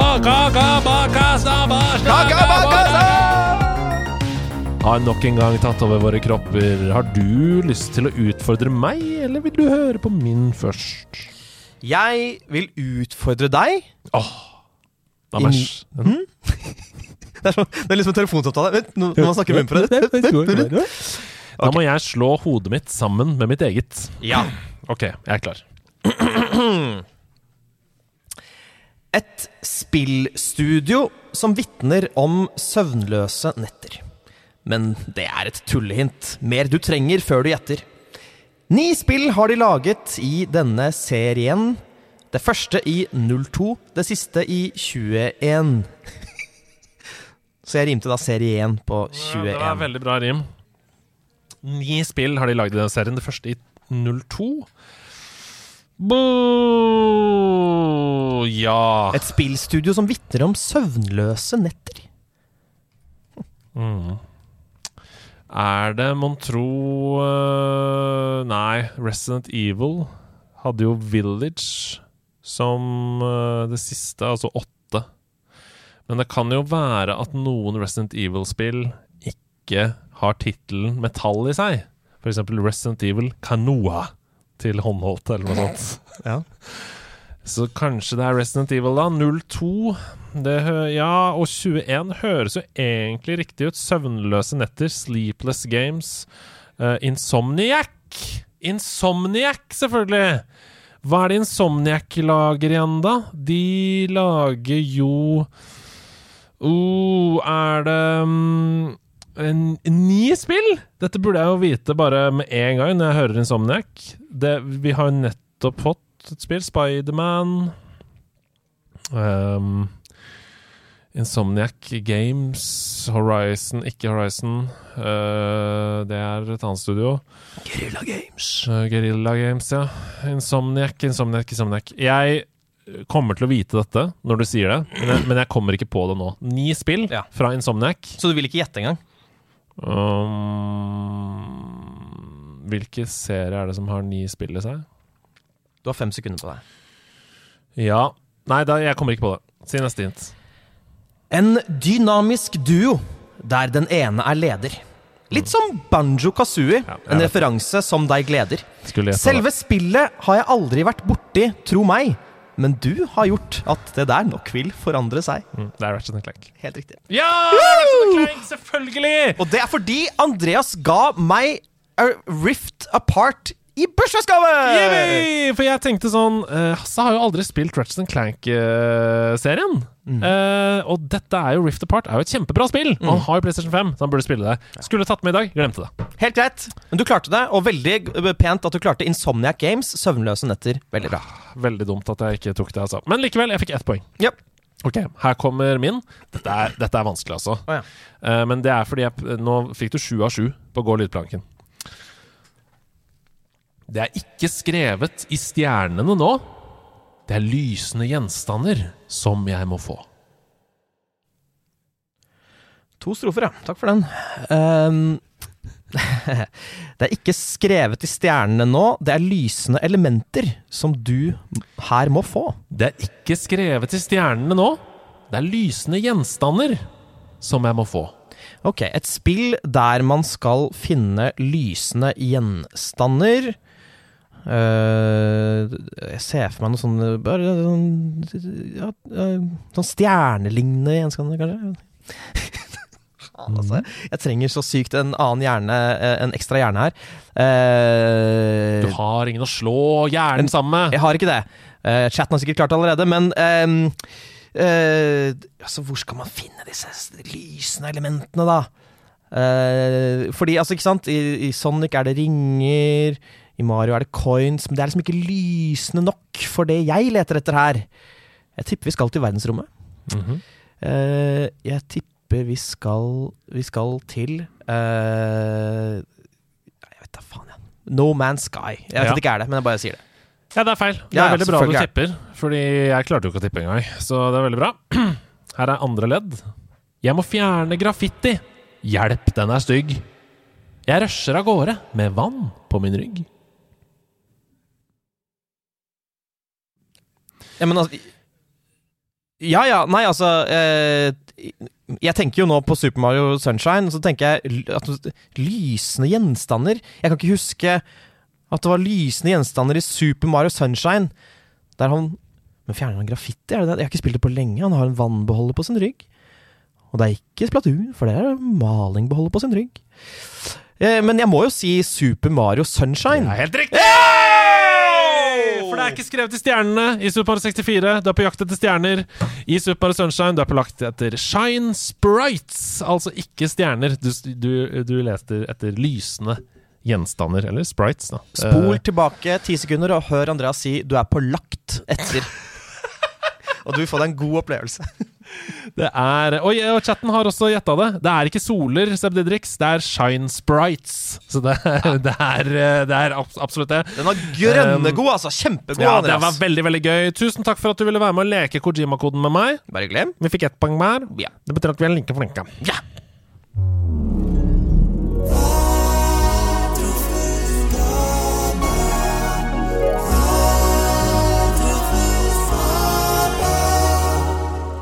Ja, det er troféskapetid! Ja, det er hyggelig. Ja, og det er Selv om det er veldig veldig hyggelig å lese opp innsendte troféskap uh, som kommer fra dere lyttere, dere er utrolig flinke til det. Vi vil gjerne ha flere. Så send inn uh, innsendte troféskap til oss, litt som de gjør i eh, Heia fotball med Glory Hall. Mm. Der skriver jo lytterne inn uh, sine hyllester av fotballspillere, og så sender de dem inn til dem. Gjør gjerne det til oss også, vi Mm. setter pris på det. Uh, men det er, i hvert fall for min del, noe helt spesielt når jeg kjenner sånn Der kom inspirasjonen. Nå kan jeg skrive noe fra hjertet. Og det har jeg gjort denne gangen. Oh, gøy! Så nå kommer mitt troféskap. Er du klar? Ja. Ok. Da vi fikk spørsmålet om å anbefale Walking Sims på korktavlen denne uka her, og jeg begynte å tenke på gode spillopplevelser fra den sjangeren, så var det akkurat som om noe falt på plass i hjernen min. Jeg har aldri tenkt på det på den måten før, men plutselig så innså jeg en av grunnene til at jeg er så glad i den sjangeren. Glad i det lave tempoet, glad i å finne ut av ting, glad i å lese tekst og forsvinne inn i en verden der jeg på kort tid føler meg 100% som hovedperson. Gleden som jeg finner i de spillmekanikkene, den sitter dypt i meg, forankret i spillsjangeren som for alvor tok meg med inn i spillverden og frelste meg gjennom alt jeg opplevde der inne. Jeg kan ikke fatte at jeg ikke har tenkt på dette før, men Walking Sims er bare moderne pek og klikk-spill. Selvfølgelig er de det! Og det fins en hel haug med pek og klikk-spill som har gjort meg til den spilleren jeg er. På et tidspunkt så var det nesten den eneste sjangeren jeg spilte, enten hjemme hos meg selv eller hos andre. Jeg spilte Leisure Suit Larry hos Kjersti, Den lengste reisen hos Petter, The Neverhood hos Elin, og Sam Max, Beavis and Butthead, Monkey Island og masse, masse mer hjemme. Men hos Martin Hugo, der spilte vi det spillet som dette troféskapet handler om. Det geniale spillet som lærte meg om verden og en hel haug med ulike kulturer, proppfullt med humor, musikk, fantastiske tegninger, animasjoner og et stemmeskuespill som må ha kosta flesk å få til denne gangen. For da dette spillet kom i 1996, så var det med kanskje Norges største kjendis i hovedrollen, Nils Vogt. Men det skulle da altså bare mangle, for Norges største kjendis, Nils Vogt, han portretterte kanskje verdens største animerte kjendis på den tiden, i det legendariske pek og klikk-spillet The Pink Panther Passport to Peril. Eller som det het i den sjokkerende svake norske titteloversettelsen, Rosa Panteren i den farefulle ferden. For en fest av et spill. I jakten på å finne ut av hvilken korrumperende hemmelighet som skjulte seg under gulvplankene inne i klubbhuset på alle barns drømmeparadis Camp Chiliwawa, så ble vi ledet rundt omkring i verden. Vi ble ledet til England for å lære om Guy Fawkes, til Egypt for å lære om pyramider og mumier, til Kina for å lære om befolkningsvekst, til Bhutan for å lære om tradisjoner kontra nyvinning, til India for å lære om kastesystemet og Taj Mahal, og til Australia for å lære om urfolk. Og dette høres kanskje kjedelig ut, men når soundtracket består av fantastiske sanger som Det er over én milliard mennesker i Kina! Og NPC-ene lirer av seg replikker som Hvem elsker turister, baby? Det gjør denne kjeften! Så var det umulig å ikke kose seg fra morgen til kveld. Vi satt i timevis og forsøkte å løse et problem med et nebbdyr som satt fast i en demning i en elv ved å skyte levende termitter på elvas demning med en didgeridoo. Vi følte oss geniale da vi brukte et sminkespeil for å reflektere soloppgangen mot Stonehenge og skremme bort slemminger ved hjelp av skyggeteater. Og vi lo oss halvt i hjel da vi brukte en kinesisk konisk stråhatt som luftputebåt med den rosa panterens hale som propellmotor for å få tak i et par bukser som hang fast i en grein. Rosa Panteren i den farefulle ferden var en fest av et spill som lærte oss at små uenigheter og kulturforskjeller kan føre til hat mellom hele land og folkegrupper, alt forkledd i et tullete, fjasete spill, der den rosa panteren til slutt redda dagen med å suge opp alle slemmingene og det forurensede havet på Camp Chiliwawa med en rakettdrevet slamsuger. Mange av datidens referanser har ikke tålt tidens tann, men jeg ble likevel dypt rørt, lykkelig og fylt med vemod og glede da jeg innså at en full gjennomspilling av Rosa Panteren i den farefulle ferden på norsk ligger ute i sin helhet på YouTube. Så tusen hjertelig takk til YouTube-kanalen Norsk Spill Dub for at jeg nå endelig kan trekke fram de legendariske låtene, de nydelige puzzlesene og det tulleste manuset nesten 30 år senere. Én ting er sikkert og visst, og det er at jeg aldri i hele mitt liv kommer til å glemme at det er over én milliard mennesker i Kina. Ja, hør på meg, min venn. Det er noe jeg vil si. Det berører både deg og meg. Kina har problemer, befolkningsproblemer. Det bor flere mennesker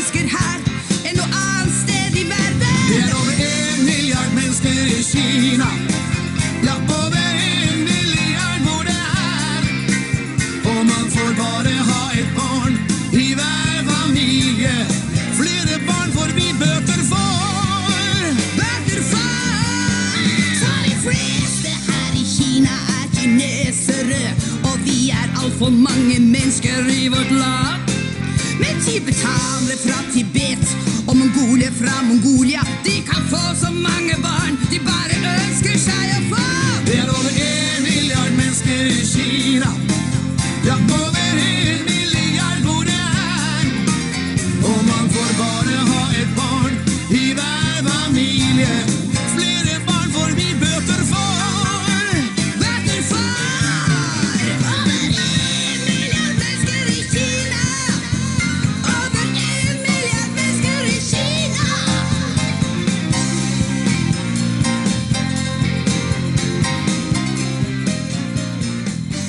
Ja.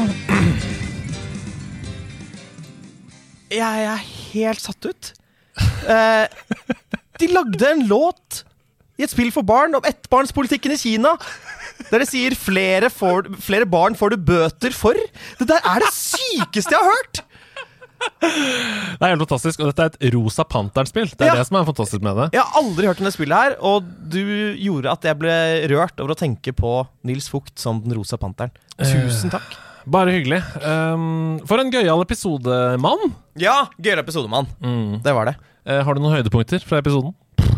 Jeg syns det var gøy i starten når vi snakket om spill vi hadde spilt. Jeg likte veldig godt Gå lydplanken. Uh, 20 Quest Steps var gøy. Korktavlen hadde veldig mye bra. Uh, nyhetsspalten. Ja. Det var en fin episode. Tusen takk til deg som hører på. Tusen takk for at du er på Discord. Takk for at du fulgte oss på 10 timer Toxic. Over 600 underskrifter for å be om forandring. Det er vi veldig veldig stolte av og glad for. Uh, vi ses snart igjen. Det er klart vi gjør det. Uh, 18. mars så er det Pokémon Community Day her på House of Nerds. Eh, det er quiz her med Steffen Lund, som vi sa i stad. Det er masse gøy som skjer. Hasse, hva er det neste vi kommer til å se deg i? Sånn i, i media. Oi! eh, det, eh, det neste er eh, Linda Eides språkshow på NRK2. Det er det beste jeg har hørt hele mitt liv. Skru på Linda Eides språkshow på NRK2. Gjør det, og husk at små fugler er søte, store fugler er kule.